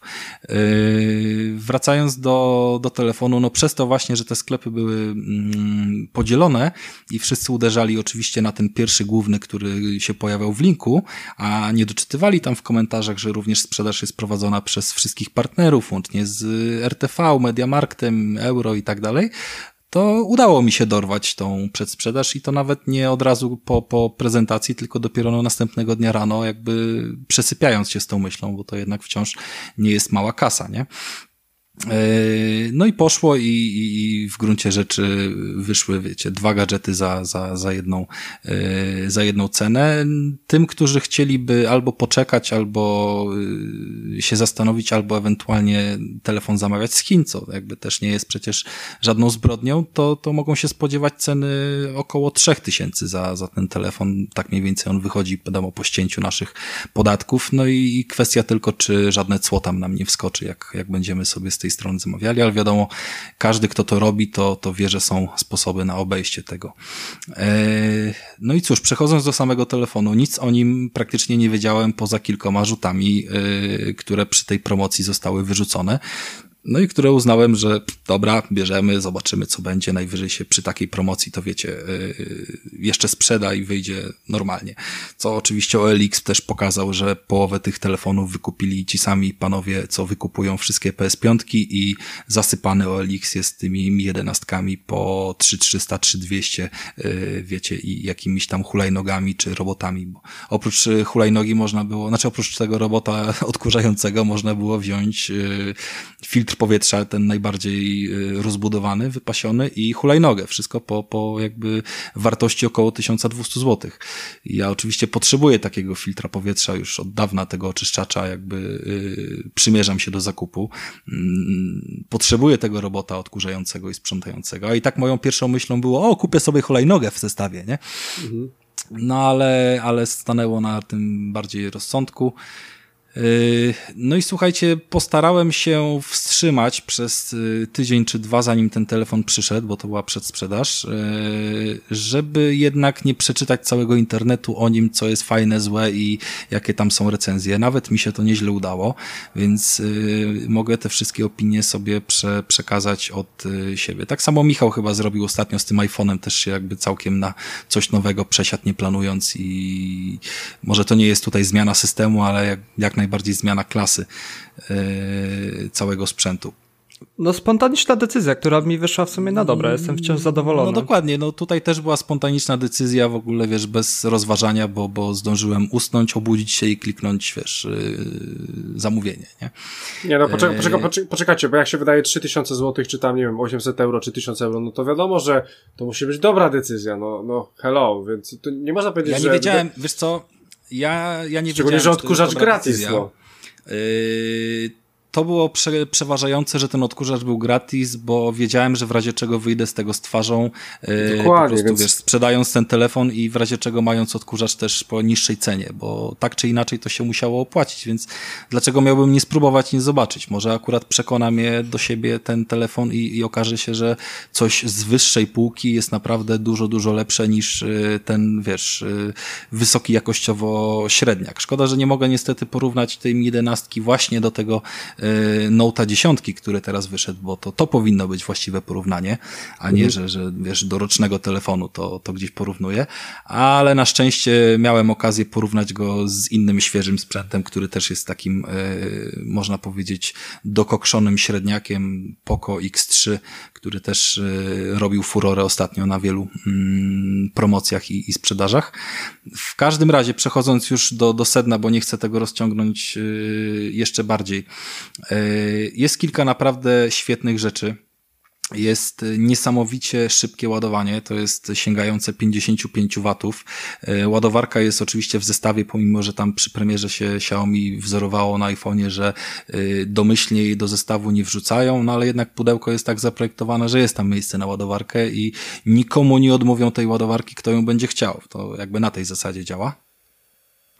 No i cóż, no i ma to sens, no bo ładowarek 55W raczej nie znajdujemy, wiecie, w starej szafie, bo mam taki kabel i już, wiecie, będzie to działało. E, wcześniej miałem 18W ładowanie i 30W ładowanie. To się wydaje niby, wiecie, niewielka różnica, ale w międzyczasie, jak Michał opowiadał o, o tej grze, ja wstałem sobie zrobić drinka, podłączyłem na chwilę telefon do kabla, zrobiłem sobie drinka i, i, i patrzyłem, jak się on ładuje aż włączyłem stoper. W sumie pierwszy raz od dwóch tygodni, jakby podczas tego, wiecie, zabiegu. Yy... Ile zajmuje naładowanie 1% baterii? Tak, wiecie, przy poziomie, kiedy się zaczynasz stresować, czyli masz na przykład 20% baterii i on tam krzyczy. Według was jak macie też no, nowe telefony i tak dalej. Znaczy, ja mam Dash Charge'a w OnePlusie, więc on też bardzo, on mi ładuje Rafale 45 minut, ja mam 100%, albo 50 minut ja mam 100%. No wiem, bo OnePlus 8 już miał takie dosyć, dosyć szybkie. No, u Michała też chyba nie jest najgorsze i tak dalej. U mnie, u mnie jest bardzo spoko. Ja ładuję z, bardzo często z tego, z kamerek, z ładowarki z GoPro piątki sobie ładowarkę wziąłem i, i bardzo fajnie z tego idzie. No dobra, wracam do pytania. Y, ile czasu strzelacie, że 1% baterii skacze do góry? Co ile... Eee, w takim razie przy nowym telefonie powinno być mniej niż około pół minuty albo 25 sekund. 15 sekund 1%, 1 minuta 4%. No, no, no, przy nowym telefonie, więc e, no, spoko. Przy, przy tym poziomie 50 watów to można się spodziewać takiego ładowania, że w 10 minut y, realnie bateria jest naładowana do prawie połowy, do 40% i wiadomo, że ona się wolniej ładuje bliżej setki, a szybciej tak, tak, przy, to, to też mnie jest, przy niskim. I teraz kolejna rzecz, bo faktycznie, no jeżeli chodzi o ładowanie po kablu, to e, ten poziom czy, czy 30 czy 50 watów już był tam gdzieś osiągany i to, to jest game changer, bo to pomaga, ale e, jeszcze większym game changerem jest to, że o takiej samej mocy jest ładowanie bezprzewodowe. Dlatego też tą ładowarkę kupiłem do samochodu o, o tam co prawda o mocy tylko 20 watów, bo też instalacja w samochodzie nie za wiele jest w stanie więcej z siebie wydusić i tam raczej nie liczy się aż tak bardzo pośpiech. Natomiast y, leci też do mnie ładowarka, która nie jest dostępna w Polsce, y, z Chin, która wykorzystuje pełne te 55 watów i taki sam efekt powinna zapewniać, czy tam bardzo zbliżony, po prostu stawiając telefon na podstawce.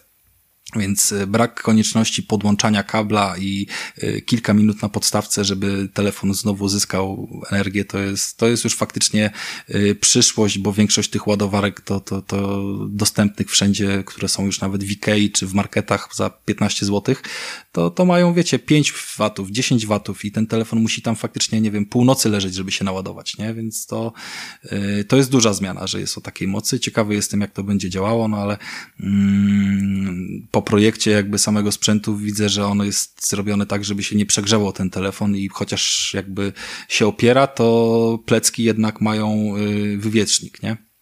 I, i, powiedzmy, że tam jest jakaś cyrkulacja powietrza. Tak samo zresztą, co ciekawe, ten uchwyt do samochodu, y, który zresztą jest śmieszny, bo jest automatyczny. Jego ramiona się same jakby pod wpływem zbliżania telefonu rozchylają i potem zamykają na telefonie, więc y, w pełni do obsługi jedną ręką, bez żadnego tam szarpania się. Y, I on również ma wbudowany wentylatorek, żeby chłodzić tą powierzchnię styku i, i nie, nie dopuszczać do jakiegoś przegrzania się, więc takie całkiem ciekawe ciekawe rzeczy, który, z którymi się jeszcze nie spotykałem. No i cóż, no, wyświetlacz jest y, totalnie kozacki. Tam jest jakieś y, bliski 4K y, rozdzielczości 3600 na ileś y, 6 i, i 7 chyba cala, czyli to jest y, rozmiar prawie że mojego pierwszego tabletu, którym był Nexus, o którym kiedyś mówiłem, a jednocześnie przecież telefon praktycznie ma ten sam rozmiar co, co poprzedni Redmi. Ekran jest zakrzywiony tak naprawdę z dwóch stron, ale dosyć mocno zachodzi też z góry i z dołu, więc nazywa się to, że, że z czterech stron jest zachodzący i faktycznie ten efekt y, jest, jest ciekawy.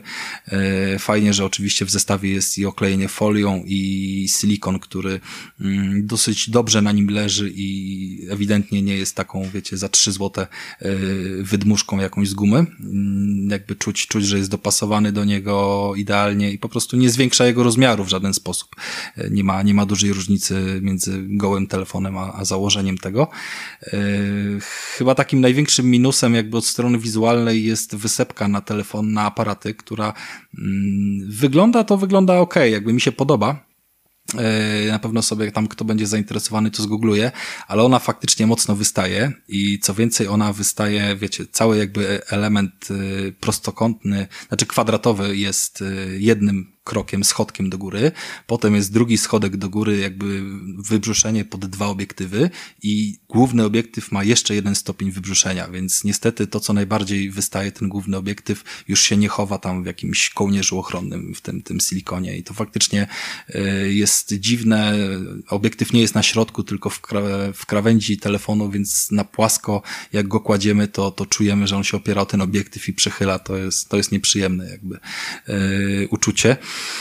Jeżeli chodzi o prędkość działania, to nie mogę tutaj tak naprawdę nic powiedzieć ponad to, że jest to obecnie najszybszy telefon na rynku, który pierwszy dostał ten model jakby procesora i zwyczajnie to nie wymaga dodatkowego komentarza. Tutaj jakby jego prędkość jest yy, oszałamiająca i no, wiadomo, że no nie będzie takiego skoku, jeżeli się przeskakujemy z, z jakiegoś innego mocnego mm, sprzętu, jakiegoś zeszłorocznego flagowca, ale, ale wciąż no tutaj po prostu złego słowa nie można powiedzieć, że czegoś, yy, czegoś tam brakuje. Jest kilka fajnych rzeczy na y, etapie łączności, bo telefon obsługuje zarówno 5G, dla których, dla niektórych może to mieć znaczenie. Może dzisiaj przy pandemii, kiedy głównie korzystamy z Wi-Fi mniejsze i dla mnie właśnie tak jest, ale, ale jednak ma to 5G i to na pewno się będzie jednak u nas też rozwijało. Y, od strony Wi-Fi obsługuje y, połączenie z Wi-Fi 6, więc to też jeżeli ktoś już postawi sobie taki router, to, to będzie miał to ładnie spójne a ja też się do takiej wymiany powoli y, chyba będę przymierzał. Y, I po trzecie ma też Bluetooth y, o tyle fajnie zorganizowany, że potrafi się łączyć z dwoma sprzętami, puszczać jednocześnie dźwięk na przykład na dwie pary słuchawek, jeżeli nie wiem, chcemy coś obejrzeć na telefonie w, w parze, w samolocie, czy, czy coś w tym stylu, albo jednocześnie mieć słuchawki i głośnik, no to, to na pewno fajna funkcja może się czasem przydać wielokrotnie wielokrotnie zdarzały się sytuacje jednak, że się brakowało, że, że się trzeba było podzielić jednym kompletem słuchawek tych bezprzewodowych, czy coś w tym stylu. Mm, no oczywiście nie ma złącza y, słuchawkowego, nie ma też rozszerzenia tej pamięci już o karty SD, bo pamięć zastosowana jest jakaś odpowiednio szybka, więc karta by ją tylko spowalniała. Trzeba się zadowolić tymi y, 128 lub 256 GB pamięci. Y, co jeszcze chciałem powiedzieć? No, ekran jest przekozacki. Słuchajcie, ekran jest przekozacki nie tylko dlatego, że ma te 120 Hz, yy, nie tylko dlatego, że ma jakąś tam niesamowicie mm, dużą responsywność dotyku, bo jakby panel dotykowy też ma swoje odświeżanie i tutaj ono tam sięga 480 Hz, więc yy, po prostu bardzo bezzwłocznie reaguje na wszystkie nasze dotyki i jest to odczuwalne wbrew pozorom na, na jakichś manipulacyjnych y, czynnościach, czy chcemy w coś zagrać, czy po prostu pomazać coś palcem po ekranie, to widać, że on to trochę lepiej i, i zgrabniej odbiera, pomimo, że wydawać by się mogło, że to już taka sztuka dla sztuki.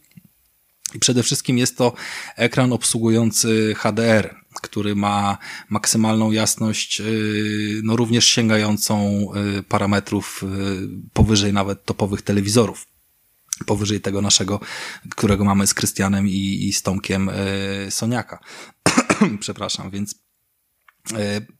nie będzie to na co dzień super przydatne, ale to pokazuje, że te parametry no, są w stanie zapewnić yy, pełną widoczność nawet w najjaśniejszym słońcu, yy, bo, bo, bo, bo nie można narzekać na to, jeżeli taką jasność ten ekran yy, dostarcza. Oczywiście AMOLED ma też peł, pełną czerń, to nie jest jakby żadnym zaskoczeniem, że tam po prostu to, co jest czarne, to się nie podświetla. E, jest to, jest to pewien rodzaj OLEDa. Mm, tym samym oczywiście się wyświetla na e, wygaszonym telefonie jakiś zegarek i tego typu rzeczy, powiadomienia, więc to, to sobie tam wszystko można konfigurować. E, no i dochodzimy chyba do takiej kluczowej kwestii, którą jest aparat i w zasadzie na tym będziemy kończyć, bo poza, poza jakby wyglądem, baterią, ekranem i aparatem to w telefonach wciąż nic nowego nie wymyślimy wymyślili, one wciąż nie robią zapiekanek. Y, mamy Mamy aparat, który jest tam oceniany jako 108 mm, megapikseli. To akurat nie robi na mnie wrażenia. Powiem szczerze, że wszystkie zdjęcia, które robię domyślnie, y, puszczają się w 27 megapikselach, zajmują powiedzmy wtedy jakieś 8 megabajtów. Y, robią się szybko, nie ma jakby problemu z żadnymi fokusami czy, czy, czy szukaniem ostrości. Nawet jeżeli robimy z podwójnym e, zoomem, to zdjęcie wciąż się zrobi w tej samej e, jakości, czyli tu jest jakby pewien plus już tej matrycy. Pomimo, że to nie jest jakby obiektyw e, jakiś tam optycznie, mm, nie ma, nie ma tutaj obiektywu z, z zoomem wbudowanym optycznym, tak zwanego teleobiektywu. Przy przełączeniu się na 108 zdjęcie ma raptem 10 megabajtów i jest dla mnie trochę ściemą i wtedy mam wrażenie, że odpala się jakaś interpolacja i tak dalej.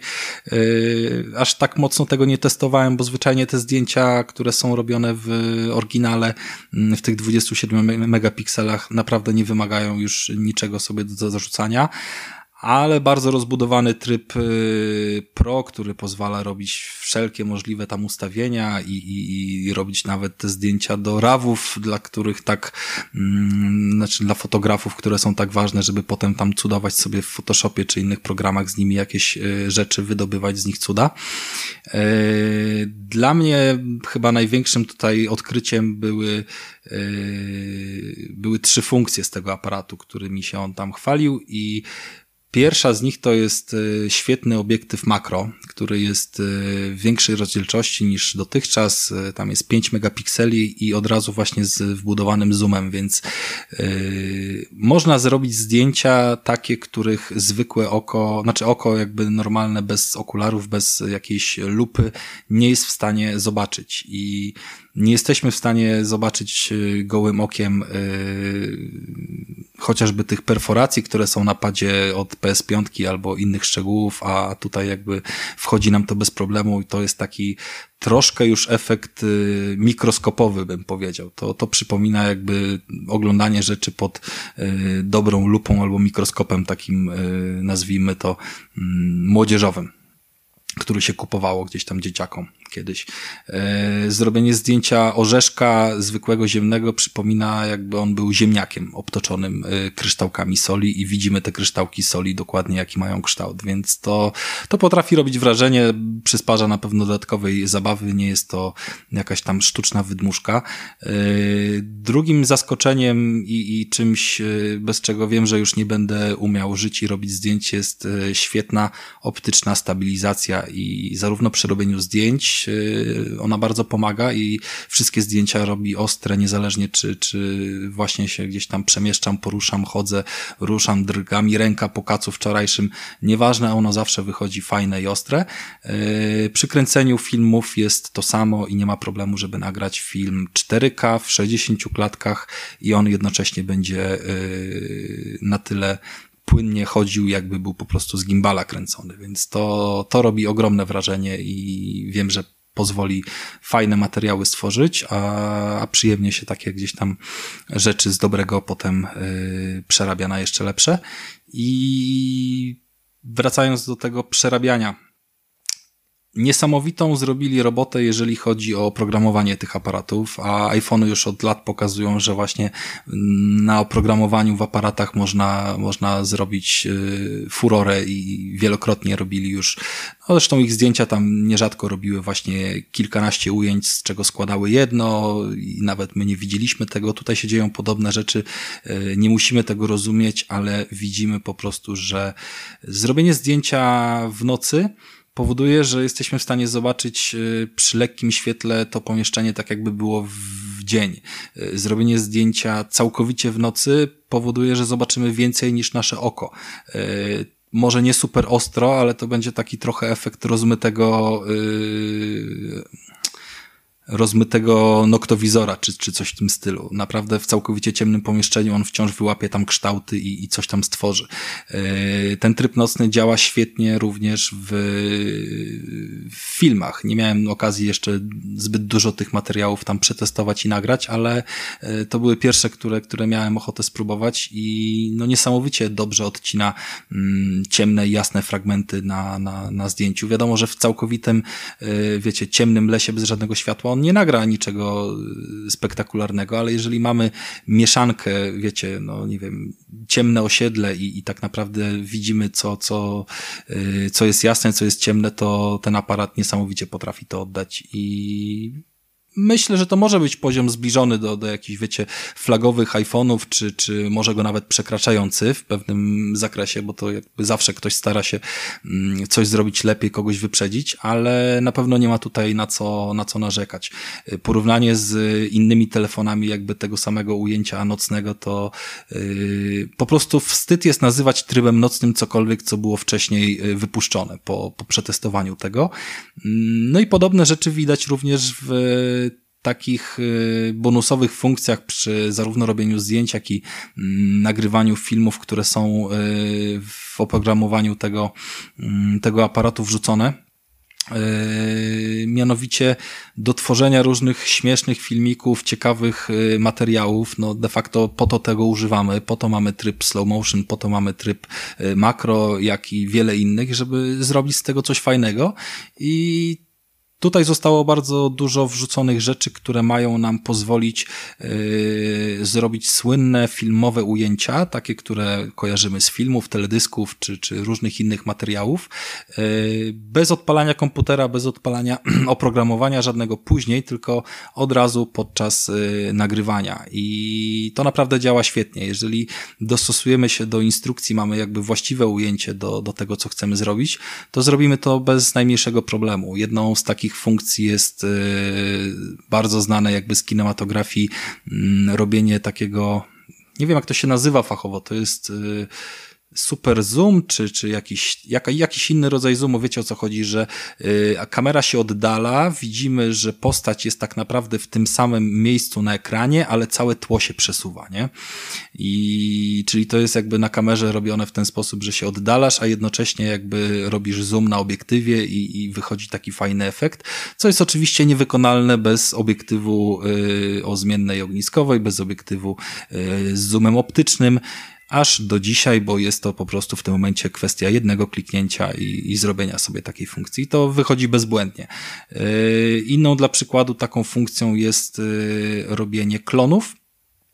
Yy, ustawiamy sobie telefon, powiedzmy, że na statywie, żeby w miarę to, yy, znaczy możemy go trzymać w ręku, no tylko po prostu nie zmieniamy mm, pozycji, tak? Trzymamy go w jednym miejscu i w tym momencie może sobie wyjść osoba na ekran, yy, złapać się w ujęciu i wykonać jakąś robotę, wykonać, nie wiem, podać komuś jabłko, potem może yy, podejść w drugie miejsce, powtarzamy ujęcie i ta druga osoba może wziąć to jabłko, a tak dalej, tak dalej, wiecie, no co tam nam fantazja nie przyniesie, a potem mamy to wszystko od razu złożone w jeden filmik, bez żadnego klejenia czterech materiałów, wsadzania green screenów i tego typu rzeczy. Na żywca robi nam to w trzy sekundy po prostu telefon, więc yy, tego typu rzeczy są naprawdę fajne. Jakby spotykałem się już wcześniej z y, mocno uboższymi funkcjami tego typu, które, które, no nie wiem, załóżmy podmieniały niebo na zrobionym zdjęciu. No i to faktycznie wyglądało, y, wyglądało nieźle, no to tutaj poszli mocno do przodu. Ja na pewno nie będę z tego kręcił żadnych TikToków i, i tak dalej, ale może dla, dla, na własne uciechy i pożytek coś tam z tego ciekawego pokręcę. Mhm. No. E, chyba, chyba wszystko, co chciałem powiedzieć. Jeżeli e, tak, po, powiedziałeś za dużo. Chciałem cię już opierdalać, że, że to nie jest podcast z monologami. E, no to bierz przykład, bierz, jak będzie. Bierz, bierz przykład z Michała, zobacz jak szybko iPhone powiedział, ale na pewno jest lepszym telefonem niż ten twój. Teraz mi powiedz, czy ten twój telefon jest faktycznie wart 3, 3000. Czy bez odkurzacza byś go wziął e, po sprawdzeniu już jego i czy polecasz go brać za 3000 bez odkurzacza, czy, czy to w ogóle ma sens, czy on jest wart tyle? Za 3700 nie, A 3700? On 3700 kosztuje. 3700, powiedziałem, Uch. że 3700 kosztował w tej oficjalnej dystrybucji, w najmocniejszej wersji z, no jakby w tej promocji. Wow, Mówiłem, że z AliExpress go zamawiając, to kosztuje trójkę, tak? Uh mhm. -huh. Czy tam, nie wiem, 2900. No to jest cena premierowa, podejrzewam, że się będzie też y, szybko zmieniała.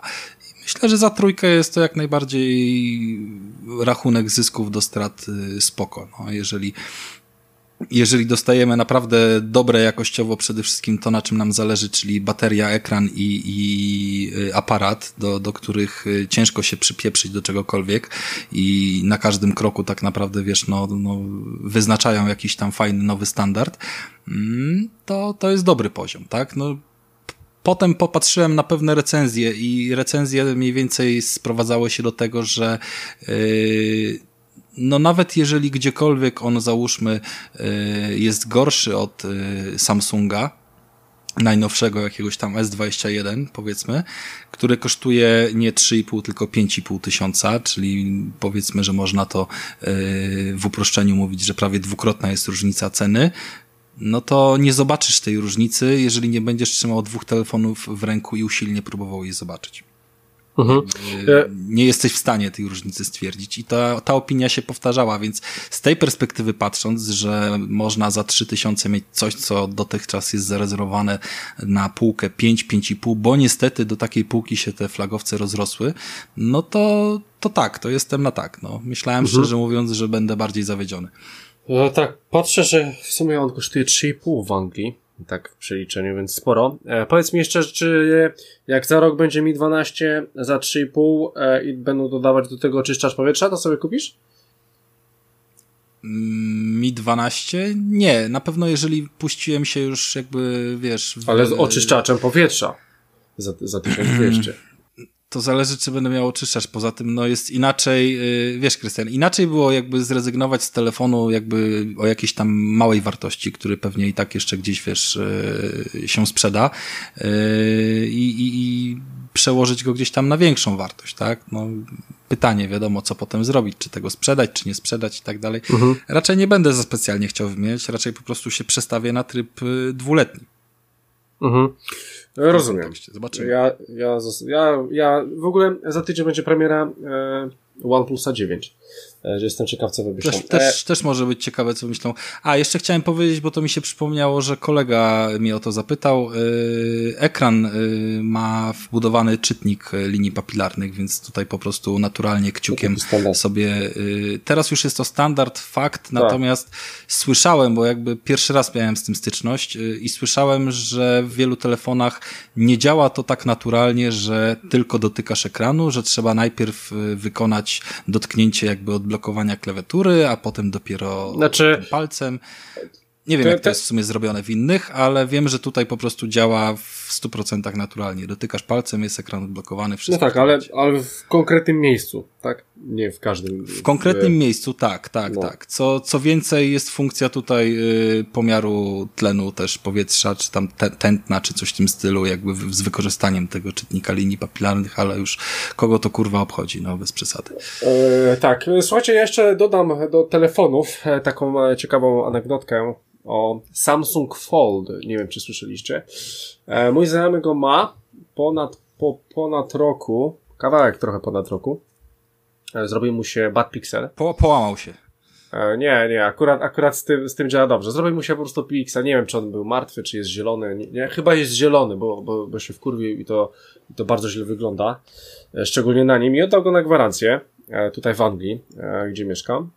I słuchajcie, i Niestety, ale tak działa e, gwarancja w ogóle na, na, na, na, wszystkie telefony, tak mi się wydaje, szczególnie, że e, moja dziewczyna kiedyś w HTC pracowała i było podobnie, że on oddał ją na gwarancji, bo wyświetlacz, bo ej, wada fabryczna, wymieniajcie mi to. I oni oczywiście mu to wymienią, ale e, ten jego telefon był dosyć ostro zajechany, w sensie panel był zajechany i gwarancja działa w ten sposób, że muszą mu wymienić też to, pomimo tego, że on tego nie chce ale muszę mu to wymienić i krzyknęli mu, że ma za to wszystko zapłacić 600 funtów.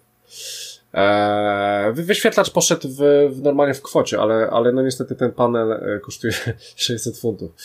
Eee, no ja powiedział, że tego nie zrobił, w ogóle tam najeździł ich i tak dalej, i tak dalej. I właśnie moja dziewczyna powiedziała, że w HTC było, była podobna praktyka. Wymieniałeś jedną rzecz, ale jeżeli coś innego miałeś uszkodzone, to on musi z gwarancji wyjść w bardzo dobrym stanie, tak? Więc, e, więc tak to niestety działa i po prostu uczulam was też na, na tego typu rzeczy, że wyświetlacze fajne, fajne, fajne, ale no jak się trafi bad pixel na początku, to może być e, dra, draka, szczególnie z firmami, bo one nie lubią wyś, wymieniać w sumie najdroższy element w telefonie, tak? No, słuchajcie, to... powiem wam, yy, też w temacie pozostając, ale już całkiem z Mi 11 wychodząc, mhm. yy, Rozmawialiśmy kiedyś nawet chyba o tych y, ubezpieczeniach, które są sprzedawane w marketach, nie? Do, do telefonów. Wiadomo, że to nie jest tania sprawa, bo, bo telefon jednak dosyć łatwo może się spieprzyć na ziemię i, i tam popsuć, połamać, popękać. Mm, a też, też no, kosztują już takie pieniądze, że yy, chętniej tą kasę na to można wydać czasami niż na ubezpieczenie samochodu. I chciałem tylko powiedzieć i zaznaczyć, bez zdradzania szczegółów, chyba że ktoś będzie tam chciał, to niech pisze i, i będzie zainteresowany, e, że taka opcja będzie dostępna i, i, i się pojawi nie tylko dla osób, które telefon e, kupują w sklepie, e, po prostu wystarczy posiadanie dowodu własności, również na telefony używane i tak dalej, i tak dalej. Jakby jest to istotne z tego punktu, że producenci też często na przykład rozszerzają gwarancję na pierwsze pół roku albo na rok. Ja też tak właśnie mam, że i to też mnie trochę przekonało w sumie, że przez pierwszy rok mam gwarancję wymiany ekranu, jak go zbiję bezpłatnie, więc y, jakby nie potrzebuję żadnego dokupowanego ubezpieczenia, bo, bo to największe ryzyko jest niejako y, zabezpieczone. Mhm. Ale za rok, no jakby kto wie, fajnie byłoby coś zrobić, no i wtedy żaden market y, ze swoją ofertą cudowną już nam nie pomoże, ale taka opcja jak najbardziej y, wchodzi na rynek i, i, i możecie sobie się za nią rozglądać, jeżeli ktoś faktycznie czuje potrzebę. Mhm. E, dobra, e, więc e, słuchajcie, to tyle, więc budzimy teraz Michała z, z, ze snu zimowego i pytamy się, co tam Michael u ciebie teraz. A to ty nie byłeś teraz w kolejce? E, może byłem ja, ej, faktycznie. Dobra. No, to, zgubiłeś coś, to, jak wprowadzisz? Dobra, okej, okay, okej, okay. dobra, słuchajcie, to ja, ja, ja powiem o tylko jednej, w sumie chciałem powiedzieć w sumie o trzech rzeczach, ale już widzę, że o jednej na pewno nie powiem. E, ale może mi się uda powiedzieć o jeszcze jednej. Słuchajcie, e, od, od, ostatnio o filmach i serialach tak dużo nie mówimy, e, więc ja, ja chciałem wam powiedzieć o pewnej produkcji, którą oglądałem i w sumie, którą mogę, mogę, mogę naprawdę z czystym sumieniem polecić. Słuchajcie, to jest produkcja, która ma najwięcej, była najbardziej, produkcją najbardziej oglądaną w, po, w czasie pandemii w streamingu przez ostatnie 12 miesięcy. Jest to film i nazywa się Książę w Nowym Jorku 2. E, jest na Amazonie Prime. E, dosyć e, słabe recenzje są, ale słuchajcie, jeżeli lubiliście jedynkę, to dwójkę też polubicie. Naj, najciekawsze jest to, że jedynka była w 88 roku. 1988 rok. E, czyli słuchajcie, 33 lata temu. E, dwójka Eee, rzecz się dzieje dalej, więc to jest kontynuacja, więc dobrze jest obejrzeć sobie jedynkę w sumie, jakbyście walnęli tą dwójkę, ale co ciekawe, słuchajcie, po tych 33 latach wszyscy, ale to dosłownie wszyscy grają w dwójce. To jest po prostu mindfuck i naprawdę wszyscy tam grają. Więc e, fajnie jest zobaczyć tych aktorów po 33 latach, plus jeszcze pojawia się e, Wesley Snipes, e, czyli e, aktor z Blade'a, więc e, Świetnie, świetnie jest coś takiego zobaczyć. Ja, słuchajcie, ja bardzo dobrze się bawiłem. Jeżeli macie Amazon Prime, to spróbujcie. A w ogóle Amazon jest w Polsce, więc, więc e, to też jest w ogóle temat na inną dyskusję, więc e, jak najbardziej polecam, świetnie się bawiłem. Bardzo fajna komedia. E, I słuchajcie, chciałem polecić z rankingiem, zanim przejdziemy dalej do Michała. To będzie w sumie ostatnia moja rzecz. Albo dobra, powiem o tym później. Powiem o tym później, bo chciałem też troszeczkę coś o tym poruszyć. Więc Michael, co tam u ciebie? Mm, jeszcze jedną gierkę mam, a w zasadzie dwie gierki, bo to są e, dwie gierki, które wchodzą w skład e, w jeden zestaw, e, czyli Super Mario 3D World i plus Bowser Fury. E, gierki miały premierę na Switcha jakoś niedawno mm, i złamałem tutaj moją zasadę remember no pre-orders i sobie za zamówiłem po prostu, bo był zwrot kosztów za mieszkanie, więc wpadło trochę grosza, więc sobie kupiłem i przy okazji zamówiłem sobie preordera Monster Hunter nowego. A za, za, za jaką kwotę? Pełno. e, bo ja ostatnio, ostatnio też sobie chcę coś zamówić za 75 funtów, bo chcę wziąć sobie najwyższą e, najwyższą opcję, że tak powiem, season passem. Ale to, to o tym kiedyś powiem, no mów. O kurde, nowy Fallout wychodzi? Czy, czy e, nie, nie, e, wychodzi e, gra twórców Left 4 Dead, Blood for Dead, e, Blood for Dead, czyli kooperacja. O, to może być dobre. Tak, e, kooper, kooperacja w czwórkę. E, no i Left 4 Dead był zajebisty, no i, no i ci twórcy robią, mm. robią coś coś po, po prostu praktycznie jeden do jednego, więc ja muszę to mieć. E, no i co? No i chcę od razu z Season Passem, więc 75 e, e, funtów mnie to wyniesie, premiera w czerwcu i na 100% to będzie mój jedyny preorder w tym roku. A sobie tak założyłem, że kupuję jedną grę na, na premierę w roku. W zeszłym roku była Yakuza, w tym roku będzie na pewno to i nic więcej. Bo Halo dostanę na premierę w pasie. Mocne postanowienie w Mocne, sumie. tak. Chociaż ja kupiłem Rice'a, zamówiłem sobie Monstera, Monster Huntera w pudełku, żeby mieć taką pewność, że jakby, jakby mi nie podeszło, jakby mi się źle, czu, źle czuł w tej grze, to po prostu bym to sprzedał. Mhm. Więc kupiłem sobie grę pudełkową w końcu po... Kurde, nie pamiętam kiedy ostatnio grę w pudełku kupiłem. E, Tonego Hołka. Więc raz... Ha. Nie, wszystko jest, Aha, wszystko no jest tak, e, no to jesteś ty, no cyfry. Tak, cyfry. W ogóle, żeby było śmiesznie, ten, ta, ta gra, o której mówię, o e, Blood for Dead, e, najwyższa wersja w ogóle jest tylko w digitalu. Jest jeszcze droższa. Ale chcę w pudełku i w pudełku ta trochę mniejsza jest za 75. Po prostu ta wersja w digitalu ma po prostu dodatkowe skórki online, ble, ble, pierdololo. Ale season passy są w obydwu, więc o, o, ty, o to mi w sumie chodziło. E, No dobra, to tylko taka ciekawostka, że najdroższa wersja jest je- tylko i wyłącznie digital, co jest dosyć dziwne. No mów. No to y, je- jedziemy z Mario, bo kupiłem to właśnie w cyfrze i kupiłem sobie, bo to po prostu nie wiem. Mario muszę zawsze mieć, jak wychodzi jakieś Mario i wtedy kupiłem ten y, potrójną paczkę z Mario Odyssey, nie z Mario Odyssey, e, z Shine, Shine, Sunshine i, Galaxy i tak dalej. E, więc sobie kupiłem Mario 3D World, który jest e, rebootem z gry z DS-a i to jest piękne Mario, wspaniałe Mario, któremu nic nie brakuje, które jest, jest kompletne, jest skończone. E, Cztery postacie do rozgrywki, piękne lokacje, różnorodny gameplay, e, świetnie wymyślone poziomy. Ja nie wiem, ci ludzie w Nintendo, co tworzą poziomy do Mario, naprawdę mają łeb na karku i robią taką, tak różnorodny gameplay, że po prostu gra się w to bardzo miodnie. Nie dość, że, że możemy sobie wybierać, bo to jest gra też z naciskiem na oko opa, możemy sobie wybierać między czterema postaciami, gdzie ja grałem w sumie samemu i, i cały czas wymieniałem się między Mario i Luigim. E, świetne, świetne, świetne wymyślanie poziomów. Mamy skakanie po różnych przeszkodach, e, używanie łyżwy do, do przemieszczania się po lodzie, więc naprawdę mechanik jest, jest tam bardzo dużo i, i naprawdę się przyjemnie w to gra. Nie ma nudy.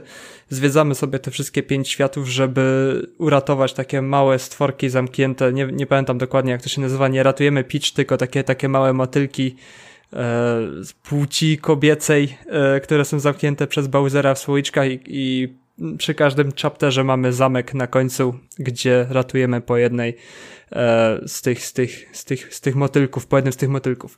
E, multiplayer podobno jest, jest fajnie, fajnie się gra w czwórkę, jak jest komplet, ale nie miałem okazji stestować, po prostu nie chciało mi się łączyć z innymi ludźmi, chciałem odpocząć od ludzi i sobie pograć samemu.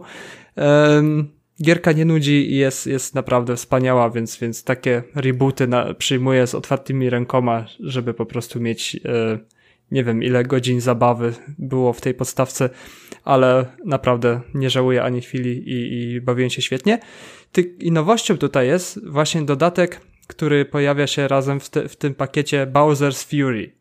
I na początku nie wiedziałem o co chodzi, bo skupiłem się głównie na tym Super Mario 3D World i nie wiedziałem, że Bowser's Fury to jest drugi wielki tytuł, który jest gdzieś tam e, schowany, no schowany, gdzieś tam jest na boku te, tej składanki i to jest naprawdę e, świetna gra, która mogłaby sam wyjść jako sama, bez, bez żadnego pakietu, po prostu gra samostójka, jak to mówią.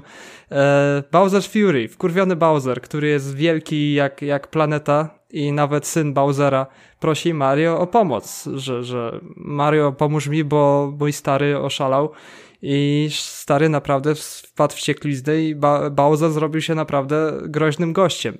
No i Mario stwierdził, ok, ty jesteś synem Bowsera, całe życie walczę z Bowserem, ale Bowser już jest tak przekokszony, że pomogę ci. Więc mamy Bowsera juniora, syna Bowsera wielkiego, który jest naszym kompanem w rozgrywce w Mario e, Bowser's Fury. I Bowser Junior nam pomaga. To jest też gra 3D, która wygląda jak Odyssey, jak Sunshine, że biegamy po prostu Mario, który jest w 3D. Nie jest to platformowy, tak tak jak właśnie 3D World. To jest coś innego. I fajny eksperyment jest zastosowany w tym Mario, bo zawsze mieliśmy w tych, tych dużych Mario jak Odyssey, Sunshine, Galaxy, że po prostu przechodzimy gdzieś z etapu do etapu, gdzie są różne światy, jak to było w Odyssey, że, że pomiędzy światami się ta, gdzieś tam przemieszczamy. Tak, Mario Bowser's Fury jest osadzony w otwartym świecie, co jest takie bardzo, bardzo ciekawe doświadczenie w Mario, że gdy chcemy dokądś dotrzeć, to nie musimy po prostu gdzieś tam mm, czekać na screeny z loadingiem, żeby po prostu wczytać nową mapę, tylko sobie po prostu przechodzimy do, do konkretnego etapu, z buta sobie lecimy, odkrywając po drodze jakieś nowe znajdźki i tak dalej, które, które pomagamy sobie Bowserem różne znajdźki e, odblokowywać i Bowser też pomaga nam w walce. I jest to bardzo fajnie się, się zamyka w, cał w fajną całość, bo te światy, ten cały świat otwarty jest właśnie podzielony na takie wieże, które musimy odblokować e, z właśnie z rąk, który, co przejął je ten duży, zły Bowser. No i wiadomo, trzeba zebrać tam po, na tych mini etapach, które są poukrywane na całym świecie, e, te, te kocie maski chyba się zbiera w tym, w tym. Nie, nie pamiętam dokładnie jak to się nazywało, ale takie maski, które przypominają maski kota. E, I po iluś tych maskach po prostu odblokowujemy taką wieżę i ratujemy świat z rąk e, złego Bowsera, który jest po prostu wściekłym Bowserem. E, całość gra się bardzo miodnie, bardzo fajnie jest to podzielone, bo, bo te etapy, mini etapy osadzone w tym wielkim świecie składają się fajnie do kupy i, i naprawdę te, te etapy są bardzo różnorodne i wymagają czasem trochę, trochę skilla, żeby, żeby tam po prostu wszystko wymaksować. A wiadomo, Mario to były zawsze gry, które mm, do przejścia one są bardzo spoko, ale tak, ale żeby wymaksować wszystkie części Mario, naprawdę trzeba, mm, trzeba włożyć w nie naprawdę dużo ilo, dużą ilość nerwów i, i, i dużą ilość czasu, bo po prostu, żeby mieć wszystko na 100%, to trzeba czasem małpiej zręczności nawet, żeby, żeby gdzieś wskoczyć, zrobić po drodze jakiś, jakiś trik, więc trzeba mieć gierkę opanowaną na, na 100%. Ale dla, dla lightowego przechodzenia sobie jest to mega przyjemna, przyjemny tytuł i nie żałuję ani trochę, że kupiłem to właśnie za cenę 60 euro, bo to jest naprawdę dwie super grube gry zamknięte w jednym pakiecie i dające naprawdę masę fanu i to jest taka gra kompletna. No, ja zawsze uznaję Mario czy to Odyssey, bo ostatnio była nawet dyskusja e, na naszej grupie na Facebooku, gdzie padło pytanie, dlaczego Mario Odyssey jest grą 10 na 10, bo to jest po prostu gra kompletna. Tam, tam jest wszystko, tam nie ma wiele, ale tam co wszystko znajduje się w Mario Odyssey jest zrobione e, w najlepszym wydaniu i, i chyba przez to zasługuje ta gra na ocenę 10 na 10, bo tam każdy wie, czym jest Mario i, i czego od Mario oczekiwać, i każdy dostaje to, czego oczekuje od Mario. Więc ja jestem wielkim fanem Mario i, i zawsze będę za Mario. Mario bronił, czy to Mario Kart, czy to, czy to różne reedycje Mario, bo ktoś, ktoś zarzuci, że to, są odci- że to jest odcinanie kuponów, gdzieś tam skok na kasę. Ja tam lubię dostać dobre Mario i sobie spędzić znowu kilka godzin w świecie grzybków i, i innych tego typu dziwactw. Czyli lubisz grzybki. Mhm. Bardzo lubię grzyby, dobre. Od 12 do 15 i najlepiej sobie wyjść na dwór. E, I wtedy, tylko trzeba wiedzieć też... Ja widzę kole kolega doświadczony. Michał, znaczy... Michał, mi dopiero, Michał mi dopiero przypomniał, że ja też kupiłem coś na Switcha i to też jest poniekąd Mario. Mhm. To Rafale już nie dzisiaj, nie? No, e, nie dobra. Dzisiaj, ja muszę w to więcej pograć. No. Ale e, Michał, dobra. ty w ogóle... Ja też to pogram. Smash Grossy ten? Yy, masz, grasz? E, pożyczyłem koledze Smash Brosa. E, kolega wyjechał do Hamburga i nie oddał mi tego. Okej, okay, Przeprowadził się. To musisz kolegę Ale chociaż e, no chociaż nie wiem, nie, nie czuję się w Smash Brosie, nie czuję tej gry po prostu. Próbowałem grać i jakoś tak mi nie podeszło. A ile, nie ile, wiem ile czasu próbowałeś grać tak na oko? Spróbowałem w tej kampanii się tam odnaleźć, się chodzi z kropki do kropki i różne walki się, się tam robi. No i tak, tak, tak średnio się bawiłem przy tym. Nie wciągnęło mnie to tak jak Mario Kart na przykład, e, jeśli chodzi o rozgrywkę multiplayer. Chociaż mi się, choć próbowaliśmy też na kanapie w Smash, Smasha grać i też tak było. Łączyliśmy się i szybko przełączyliśmy na, na Mario Kart i Mario Kart był lepszy fan.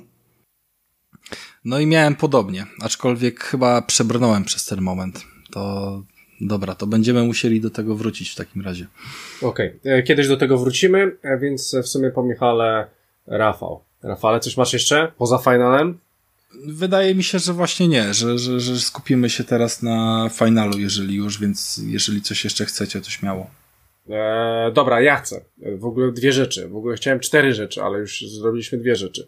E, pierwsza rzecz chciałem zostawić Was taką otwartą polemiką, a ponieważ e, Ponieważ e, dwie rzeczy się ostatnio wydarzyły, w sumie trzy, chciałem też powiedzieć o Diablo, no nieważne. E, chcę powiedzieć o PSX Extreme. E, w, wjechali na Patronite, można ich wspierać. E, gazeta, którą znamy, ja ją kiedyś kupowałem, teraz kupiłem ze względu na kalendarz, Michał jakiś czas temu ją prenumerował, ale chyba z tego zrezygnował. Dalej prenumerata leci. A, dalej prenumerata leci. Tylko, tylko mam problem tylko taki, że nie dostaję jej do łapy. E, co, co Rafale mówiłeś, że co? Mówię, że jego prenumerata idzie do kolegi z Hamburga. No właśnie nie, prenumerata leci do domu rodzinnego i to, że teraz jest taki czas, a nie inny, mało pojawią się w domu w Polsce i po prostu te, te gazety się, robi się kubka po, po, prostu w domu i nie mam tego jak poczytać. No, e, więc e, słuchajcie, chciałbym się po prostu zastanowić na, nad tym, bo ja, ja, ja troszeczkę to śledzę. E, wjechali na Patronite, można ich tam e, wspierać, mają trudną sytuację. E, i ja ogólnie nie lubię takich inicjatyw. Nie lubię takich inicjatyw w sensie, że ktoś ma dobrze, albo wydaje się, że ma dobrze, chce mieć lepiej. I to, to troszkę tak wygląda, a teraz wam powiem czemu. Eee, dobra, no to w sumie wam, wam powiem czemu. Eee, przed, przede wszystkim, jakbyście zwrócili uwagę e, na, na ten Patronite, jak to wygląda i jakie tam mają te cele, to troszeczkę tak wygląda, że jak zbierzemy tyle, no to będzie dobrze, jak tyle, no to w sumie pokryliśmy cały koszt, no to jeżeli zabierzemy, nie wiem, e, chociażby 60 tysięcy, no to to są nasze stałe opłaty i jest w sumie już zajebiście, nie? To tak, ja się zastanawiam, to wy dostajecie te pieniądze z gazety, z reklam i tak dalej, czy po prostu e, chcecie po prostu ten hajs, żebyście e, zarabiali w ten sposób. E, zobaczcie sobie, jak jest po prostu to rozpisane, bardzo mi się to nie podoba, bo jeżeli Też widziałem, no. Ktoś ktoś, ktoś, coś takiego ogarnia na Patronite, no to daje coś. A oni na, na przykład tak, dobra, jak osiągniemy, osiągniemy 45 tysięcy miesięcznie od was, to zmienimy papier, a w nawiasie, a w sumie już od 20, e, od 200, 280 w sumie już to zrobiliśmy. No to kurwa, to, to, to na chuj takie to rzeczy. To jest takie więc... myślenie wstecz, nie? To, to jest, wiesz, będziemy pili y, kawę ze Starbucksa, jak zbierzemy 40 tysięcy, a, a jak 60 to, a jak 20 to tylko z Orlenu, nie? To jakby... Tak, więc e, bardzo mi się to nie podoba. E, e, druga rzecz mnie zastanawia, bo chodzi, chodzi ogólnie o COVID. E, gazety nie mają zbyt łatwo, chociaż dla mnie powinny być właśnie teraz lepiej, ale oni, oni się opierają tym, że ze względu na to, że oni organizują jakieś tam e, różne rzeczy związane z e, PSX Extreme na zasadzie jakieś party, jakieś kąciki, jakieś, jakieś Pixel Heaven, in, inne tego typu rzeczy, jakieś związane z grami, eventy, targi, tego typu rzeczy, oni, oni mają tam cały ten hajs, tak? Więc, e, więc oni teraz nie mają tego głównego finansowania, w związku z tym ciężko jest prowadzić im tą gazetę no to okej, okay, to zróbmy coś innego. Jeżeli to jest ich główne źródło utrzymania, to za, zabijmy PSX Extreme, wyda, wydawajmy go na co dwa, co trzy miesiące, jeżeli jest taki drogi, i, i, i jedziemy i, i, możemy, i możemy utrzymać się na wodzie. Jeżeli nie ma tego, to w takim razie, jeżeli głównym utrzymaniem są właśnie te targi, to wszystko, to Extreme powinien być dodatek, nie wiem, gazetką do targów, albo, albo czymkolwiek takim, a nie głównym źródłem. E, marką, którą wszyscy w sumie rozpoznajemy, którą się troszeczkę, ja, ja troszeczkę się nawet z tym wychowałem i, i w sumie w jakiś sposób może kiedyś e, bardziej ją szanowałem i może jak jeszcze tego internetu tak nie było, to po prostu byłem zajarany rysunkami i tak dalej. Ale no niestety teraz są troszeczkę inne czasy i robienie w ten sposób, w, tak, w taki sposób i tłumaczenie się właśnie tak jak, tak jak oni to zrobili, no nie, no dla mnie kompletnie do, do mnie to nie przemawia jest to zrobione w najchujowszy możliwy sposób. PSX, ja jestem fanem, bo PSX-a kupuję od 2008 roku, czyli jak stał się ze mnie konsolowiec, tak zacząłem kupować PSX-a i numery pojawiają się do dzisiaj. Tylko zauważyłem ostatnio w internecie bardzo dużo hejtu na PSX, że po prostu z, z jakąś dziecinadą zawiewa i komiksy no zawiewają. Dziecinadą, no, jakby... no i ja, se ja seksizm czytałem, pojawia się. Ja czytałem PSX Extreme od 96 roku i tam było wow. w chuj tego, w chuj było. Przyszedł boomer teraz. Wszystkich jakiś tam jazd y, na temat nie wiem, kobiet, seksu i tak dalej, przeginali pały, drukowali y, krasza, który dostał śnieżką od pingwina i krzyczy kurwa i to poszło normalnie do druku, wiesz, niewykropane. A, chyba były takie rzeczy, tak. Były takie rzeczy. Były takie hardkorowsze był... rzeczy, w sensie, że były bardzo tak hardkorowsze. Były, były testy, jak w coś gramy i się po drodze pijemy i wiesz, jakie wyniki mamy, kurda, po ósmym piwie czy coś w tym stylu. No, jakby fajne rzeczy się działy w tamtych latach. Ja próbowałem do tego Extrema wrócić wiele razy i y, sorry Michał, że się wtrąciłem, ale naprawdę w 2008 to tam już nie było czego szukać i, i dzisiaj to wręcz nawet bym nie podejmował tej próby, więc y, to wyciąganie łapy to no, no, no sorry, każdy ma prawo, ja mu tego prawa nie odmówię, ale y, widać, że to nie jest spektakularny sukces, no co, co by tu dużo nie mówić, nie? No poziom, poziom idzie trochę w dół. No szkoda, CD Action zrobiło reboota i, i jakoś sobie Piękny, radzą. Christian, mistrzowski no jest, właśnie, jest mistrzowski. Christian E, chwali. Ja, ja jeszcze wam powiem, że wejdźcie sobie na CD Actiona. Poprzedni numer, który, który jest Hitmanem na okładce, jest za darmo do ściągnięcia dla wszystkich w PDF-ie. Więc możecie sobie o, to zobaczyć. jest idealny moment. To Tak, jest po reboocie, nie? E, tak, to, to jest po reboocie i, i, i nawet oni piszą, zobaczcie jak wiele się u nas zmieniło i dlaczego, dl, dl- dlaczego jesteśmy lepsi niż byliśmy. I faktycznie są. I możecie sobie ściągnąć za darmo tego PDF-a na stronie. On dalej powinien jeszcze być. E, poprzedniego numeru. Ja już mam najnowszy dw- 25 na 25-lecie CD Action, ale zobaczcie sobie, e, dl, dlaczego wziąłem w ogóle tą prenumeratę, więc e, każdy może spróbować za darmo. E, No, Pixel a- też na Patronite wylądował, nie? Bo to jest gdzieś tam tak, bo oni mają jedno wyda- tak, tak, tak, jedno, jedno wydawnictwo, ale Pixar, no to, to do mnie to nie przemawia za dużo, tam jest takiej publicystyki z lat 80. E, e, czy 90. E, a ja mam jeszcze do ciebie, e, Michale, pytanie, no właśnie, no jak prenumerujesz, więc jesteś tam w, sumie po, powiedzmy tym, e, tym targetem, to myślałeś, żeby Czemu im nie dasz więcej pieniędzy? Właśnie. wspomóc ich właśnie na tym? Skoro kupujesz gry za 70 euro, to może dasz im więcej pieniędzy. Właśnie, no. Skoro Eee. prenumerujesz i nie czytasz tych gazet, to może zamów dwie prenumeraty i nie czytaj dwóch gazet. To, to, to, to może... Nie, chcia, nie chciałem, żeby tak wyszło, że, że tego nie, nie czytam, bo no szkoda mi A, trochę. a poczekaj, po poczekaj, prostu- ale, ale czy, czy ty nie dostajesz w PDF-ie Cy, cyfrową opcję? Przecież ty to kupujesz, powinieneś dostać jeszcze w PDF-ie. A nie mam takiej opcji.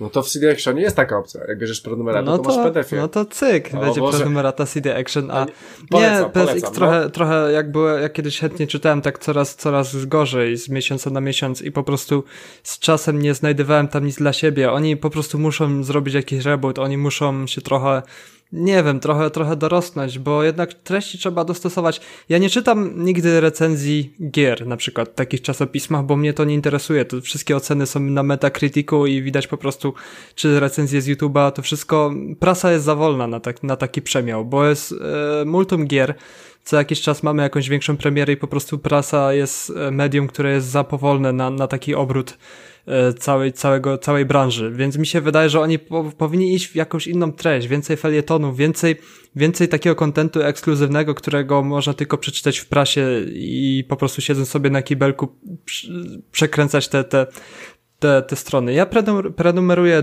dwa czasopisma muzyczne i zawsze znajdę coś dla siebie w tych czasopismach, czego po, po co nie sięgam po prostu w, w internecie, więc, więc pra, prasa muzyczna ma się dobrze i nie narzekają. No, PSX bym musiał się dostosować. Jestem ciekaw tego CD Action, chętnie sobie przeczytam po reboocie, jeśli to rzeczywiście w PDF-ie za darmo jest. Jest. Spróbuję, jeśli mi to podejdzie, to ja lubię czytać prasę grową, i, ale jakoś PSX mnie ostatnio odrzucił od siebie i mam nadzieję, że CD Action będzie taką odskocznią, żeby po prostu czytać coś innego i zostać po prostu w branży prasowej. E, ale kalendarz dali fajny, nie gadaj. Cały czas Kalendarz zawsze jest fajny. E, tak. E, Gdzieś leży w domu w Polsce. Z ciekawości, z ciekawości to tylko ci powiem, że właśnie gra, o której dzisiaj mówiłeś, w najnowszym CD Actionie, który mam właśnie w ręku, czyli Super Mario 3D World, jest na dwie strony z browser z Fury dali 9,5 na 10. E, więc, No widzisz. No, więc e, tak, e, przejrzyj sobie. E, czyli nie będziesz wspierał na Patronite swojej gazety. Mhm.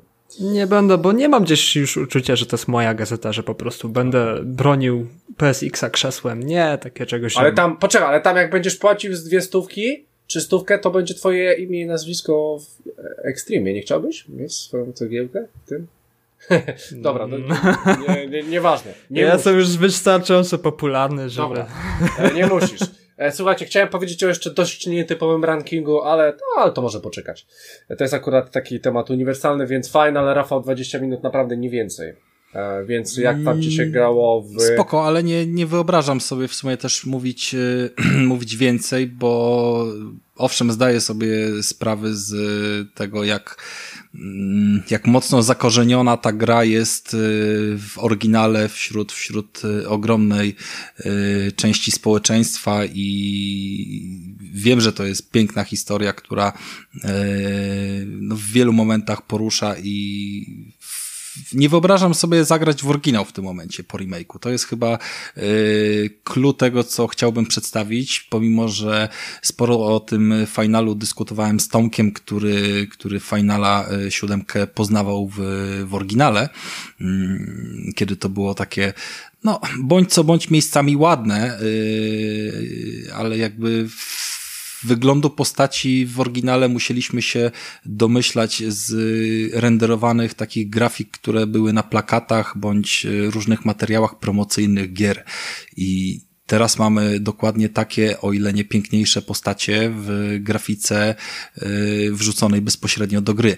Mm, to jest oczywiście wersja, która poszła do PS Plusa i jeszcze nie ma tej premiery ulepszenia. Jestem w sumie, w sumie jestem ciekawy tego, jak to ulepszenie będzie wyglądało, bo ta grafika jest w chuj nierówna. To jest, y, to jest podobny problem, jak się śmialiśmy trochę z Jakuzy, mm, czego co prawda, co prawda nie skomentowaliśmy teraz przy finalu, ale tak jak przy Jakuzie się śmialiśmy z y, Krystiana, że y, piękna grafika, a jednocześnie po prostu niektóre tekstury wołały o pomstę do nieba i jak to można pozytywnie oceniać, to, to tutaj jest podobnie. Owszem, jakby cały cały mm, projekt y, plansz czy, czy, czy, czy przestrzeni, które tam przemierzamy, jest zrobiony bardzo fajnie, tak?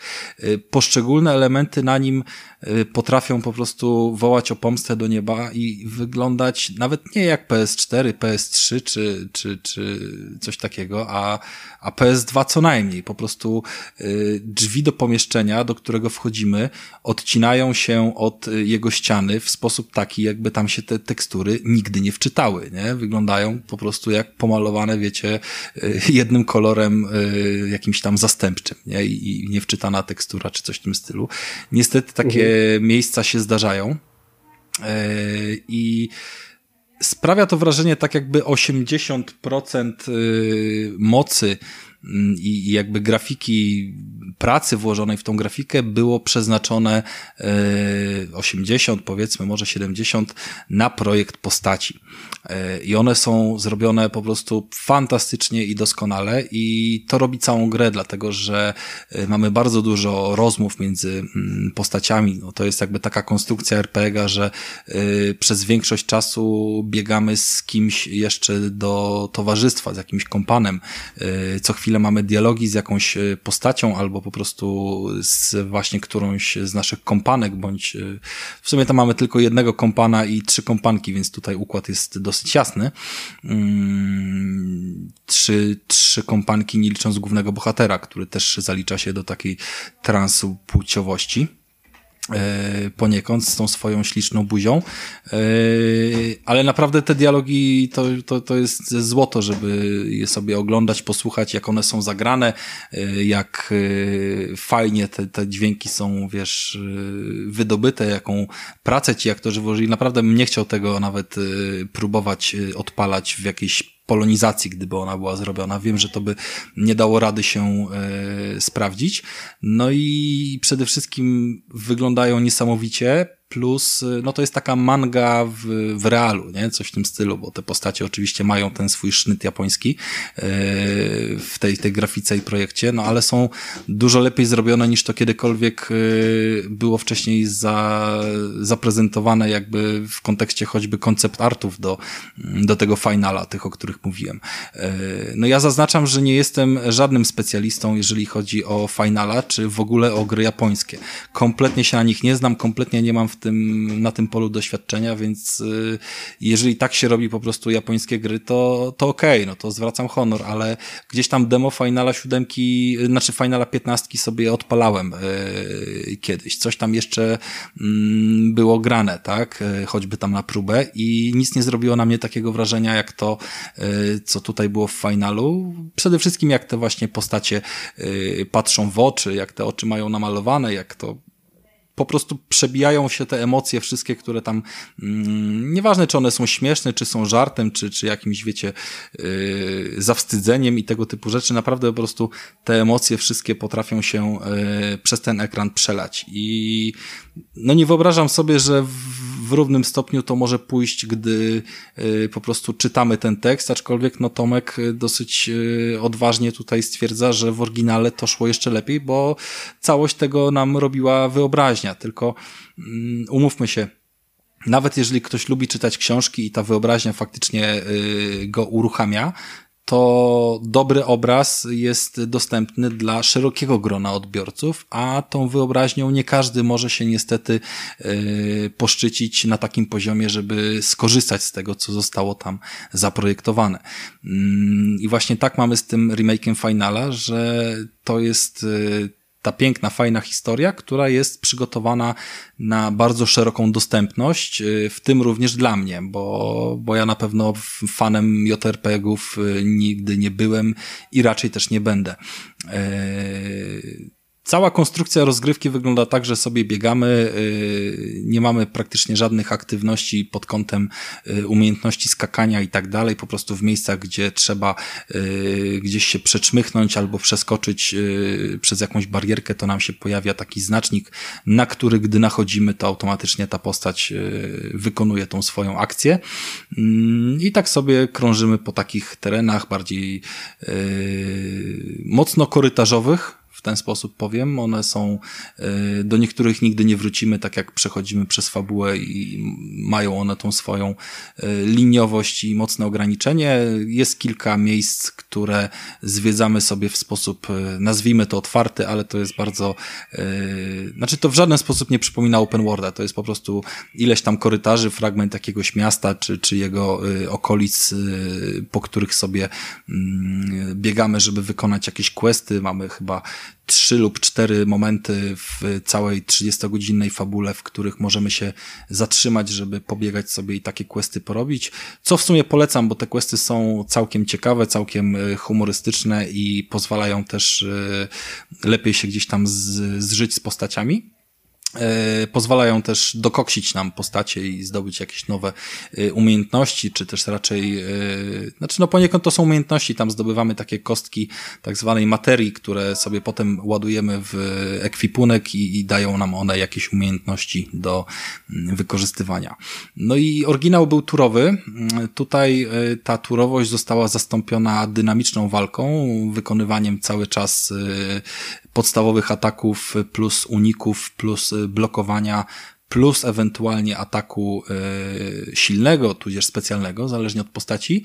Mm, przy czym w każdym momencie możemy y, wejść w menu, które spowolnia nam czas, no praktycznie tak jakby on stał w miejscu. Powiedzmy, że ciężko by było, żeby coś się wydarzyło przez ten moment tej aktywnej pauzy bo, bo tak mocno jest ten czas spowolniony i możemy wtedy wybierać e, akcje specjalne, które wykonujemy, jeżeli e, któraś z postaci ma już naładowany pasek, pasek tych atrybutów, tak, żeby, żeby użyć takiej umiejętności. To może być wypicie połosząca jakiegoś leczącego, czy tam przywracającego różne punkty sprawności many i tak dalej, albo atak specjalny, rzucenie czaru, y, których tam odkrywamy po drodze y, bardzo dużo. I to jest spoko, to jest fajne, aczkolwiek bywa męczące, yy, bo, bo czasami te walki są rozciągnięte, długie, na bossach czasami trwają po kilkanaście, kilkadziesiąt minut, żeby stłuc ten pasek zdrowia do zera. Yy, I przyznam się bez bicia, że, że żeby się nie zblokować i nie odbić się od tego pierwszego JRPG, a najbardziej będąc zainteresowanym właśnie jego mm, historią, to, to zdecydowałem się zagrać w trybie Classic. E, Classic to jest coś, e, co jest jakby w domyśle trybem easy, z taką różnicą, że jeżeli mamy trzy postacie w naszej drużynie to sterujemy aktywnie tylko jedną. Wydawać rozkazy możemy wszystkim, ale sterujemy jedną, pozostałe dwie są na autopilocie. I tryb Classic od Easy różni się tylko tym, że ten autopilot również obejmuje naszą główną postać i jeżeli nie wykonujemy żadnej akcji. I to jest, słuchajcie, zajebiste rozwiązanie. Dlatego, że yy, no po prostu jeżeli nam się nie chce kolejnych szczurów napierdalać, to sobie zostawiamy na chwilę tego pada i on sobie te szczury ponapierdala. A jak nam się chce robić jakąś ciekawszą walkę, to trzymamy pada i, i, i, robimy je, nie? W każdym jakby momencie, nawet jeżeli komputer wykonuje te podstawowe ataki, mm, to możemy wydawać mu polecenia i to w żaden sposób nie przerywa jego aktywności. Czyli on tam sobie strzela, blokuje, robi te podstawowe czynności, których powtarzalność nas może męczyć, a my się skupiamy na strategii walki, czyli których czarów użyć, komu tam e, zrobić jakieś uleczenie i tego typu rzeczy, co w sumie powoduje, że ta walka wraca do takiej yy, trochę aktywnej turowości, no jakby, jakby to nazwać, nie wiem inaczej. Mm, I mi się to bardzo dobrze sprawdziło. Yy, przyznaję, że martwiłem się na początku, czy w ogóle będzie mi się chciało bić yy, i, i korzystać z tych walk, które zresztą są bardzo fajne, efektywne, szybkie, dynamiczne w takim japońskim stylu, yy, ale nie było z tym problemu i myślę, że spokojnie mogę powiedzieć 70-80% pojedynków jakby robiłem aktywnie, a, a tylko te powiedzmy czyszczenia niektóre zostawiałem sobie do przejścia, żeby akurat, wiecie, wstać, zrobić drinka czy, czy coś w tym stylu. E, I przez to kompletnie mnie to nie nużyło, nie wybijało z rytmu rozgrywki, nie było, wiecie, pauzy i potem zastanawiania się po pauzie, czy e, ja coś potrzebuję, nie wiem, może może, może zasejwować grę i dokończyć jutro, może mi się nie chce tej walki teraz robić, bo wtedy można było zawsze skorzystać z tego rozwiązania. No, minusem pewnym jest to, że, że to jest tryb wtedy domyślnie easy ustawiony, a nie normal i te walki są mniej wymagające. No ale nie da się ukryć, że ja na trybie easy wciąż jednak y, kilka razy, kilkanaście razy, y, może kilkadziesiąt, y, ale tak bliżej 30 niż 80 y, walki przegrałem i musiałem y, je powtarzać. Y, przy czym jednak mocno miałem dokokszone postacie, bo zrobiłem y, jakby wszystkie misje fabularne, przez co no, no, różne tam dodatkowe czary i usprawnienia, y, jak też same poziomy postaci zdążyły się nabić. Y, wiem, że Tomek na normalu, jak grał i w klasycznym, jakby, znaczy nie w klasycznym z nazwy, tylko w tym po prostu podstawowym trybie rozgrywki, mm, to te walki go zmęczyły i pod koniec, kiedy już boss za bossem, walka za walką była odgrywana bardzo długa, to no to nie był w stanie po prostu się przez to przemęczyć i to chyba jest pewną, yy, pewnym potwierdzeniem moich słów, że ten tryb Classic nie jest wcale taki do dupy. I jak ktoś do tej pory ignorował JRPG, to polecam sięgnąć po tego finala, y, popatrzeć sobie na te piękne obrazy, poznać naprawdę fajną historię, która no, no potrafi chwycić y, na swój sposób za y, serce, czy wywołać uśmiech i jednocześnie nie zmęczyć się przy tym, bo te 30 godzin, które przy tym poświęciłem, były naprawdę fajne, przyjemne, dużo tam było inspirowanych oryginałem aktywności, parę rzeczy nowych dorzucone i naprawdę spowodowało to, że czekam na wydanie tej części drugiej, jak to się mówi, no bo jednak oryginalna fabuła Finala została tutaj podzielona i nie mamy całości przeniesionej, tylko jakąś jej część. A Ra to, Rafale... To tak to wygląda, no. E, jak będziesz miał, powiedzmy, drugą część i będzie to samo, tylko z inną fabułą, to nie będzie już tak trochę średnio? Nie, mi w ogóle rozgrywka nie przeszkadzała. Jakby y, na tyle sobie rozwinąłem te postacie i dużo różnych możliwości ataków y, przewidziałem, a jednocześnie wrogowie są też zróżnicowani i wymagają właśnie strategicznego, innego podejścia, różnych czarów, y, ataków z powietrza, z ziemi i, i tego typu rzeczy, że to nie było tak właśnie, że klikałem każdą walkę tą samą strategią, tak? Mhm. Miałem ileś broni, chyba tam po 4-5 broni każdej postaci udało mi się odblokować i ja faktycznie zmieniałem sobie te bronie.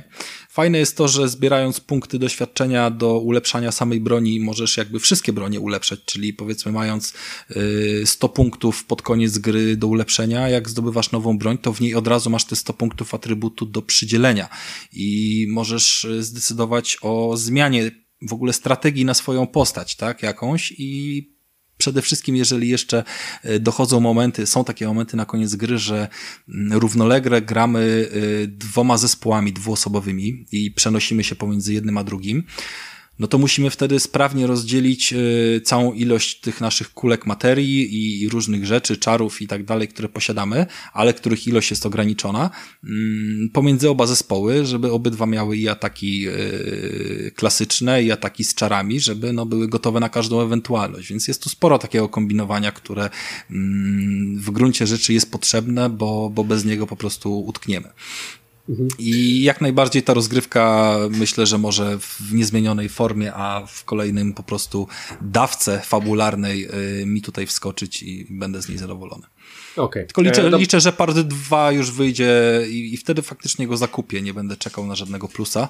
Na to polowałem od dawna, ale no, jeżeli w przeciągu roku się pojawiło w plusie, to jest to faktycznie szybko i liczę, że dwójka już zostanie zrobiona od razu, wiesz, w wersji pod PS5 i, i taka wleci, nie? Bez, bez żadnych jakby kompromisów graficznych. Mhm, mm, oby. E, oby tak było, więc słuchajcie, Final jak najbardziej polecamy, szczególnie, że jest w pasie, więc e, bardzo dobry tytuł w, w plusie, sorry, więc możecie sobie przetestować. Czy jest to dobry, czy jest to dobry tytuł dla kogoś, kto nigdy nie grał w Finala? Nigdy nie grałem w Finala i nigdy nie grałem w żadnego JRPG i się świetnie bawiłem, dlatego właśnie przedstawiam tą formę, że można spróbować grać na normalną, można spróbować grać na klasiku, który jest trochę, no nie wiem, mniej stresujący, pozwalający na, na pewne y, ustępstwa, jednocześnie czerpać z tego fajną radość i fajne jest to, że w gruncie rzeczy ta gra jest liniowa, a jednocześnie na, na tyle powiedzmy zajmująca, że nie przeszkadza mi to. Ja jestem zmęczony otwartymi światami, Yy, niezależnie od tego, czy sobie muszę szukać tej rozrywki na siłę, czy gra mi ją zapewnia, ale w ogóle mi to nie przeszkadzało, że to jest liniowe, tak? To jest też inna liniowość niż, nie wiem, Uncharted na przykład. Mhm. E, dobra, słuchajcie, e, musimy kończyć ten odcinek, więc e, super fa final na pewno jest zajebisty, ja też grałem, też polecam. E, słuchajcie, wchodźcie standardowo na bezimienny.pl, tam wrzucamy odcinki, poza tym e, jesteśmy na Instagramie, e, bezimienny podcast, jesteśmy na Twitterze, bezimienny podcast. E, jesteśmy na Facebooku i grupie facebookowej Bezimienny Podcast. Piszcie do nas maile bezimienny podcast gmail.com. Tam też jesteśmy. Poza tym YouTube, Spotify i oczywiście różne aplikacje podcastowe. E, tam jesteśmy e, i w sumie to tyle. Więc słuchajcie, kończymy ten 180 odcinek. Było super. Za dwa tygodnie będzie z pewnością lepiej. Gdzie zapraszamy, a ze mną standardowo był Rafał Domyski. Dzięki wszystkim, cześć. Był z nami Michał Stiller. Dzięki bardzo, do następnego razu. Nie śmiej się, a ja miałem na imię Christian Kender, a my standardowo słyszymy się już za dwa tygodnie, więc do usłyszenia drodzy słuchacze, trzymajcie się.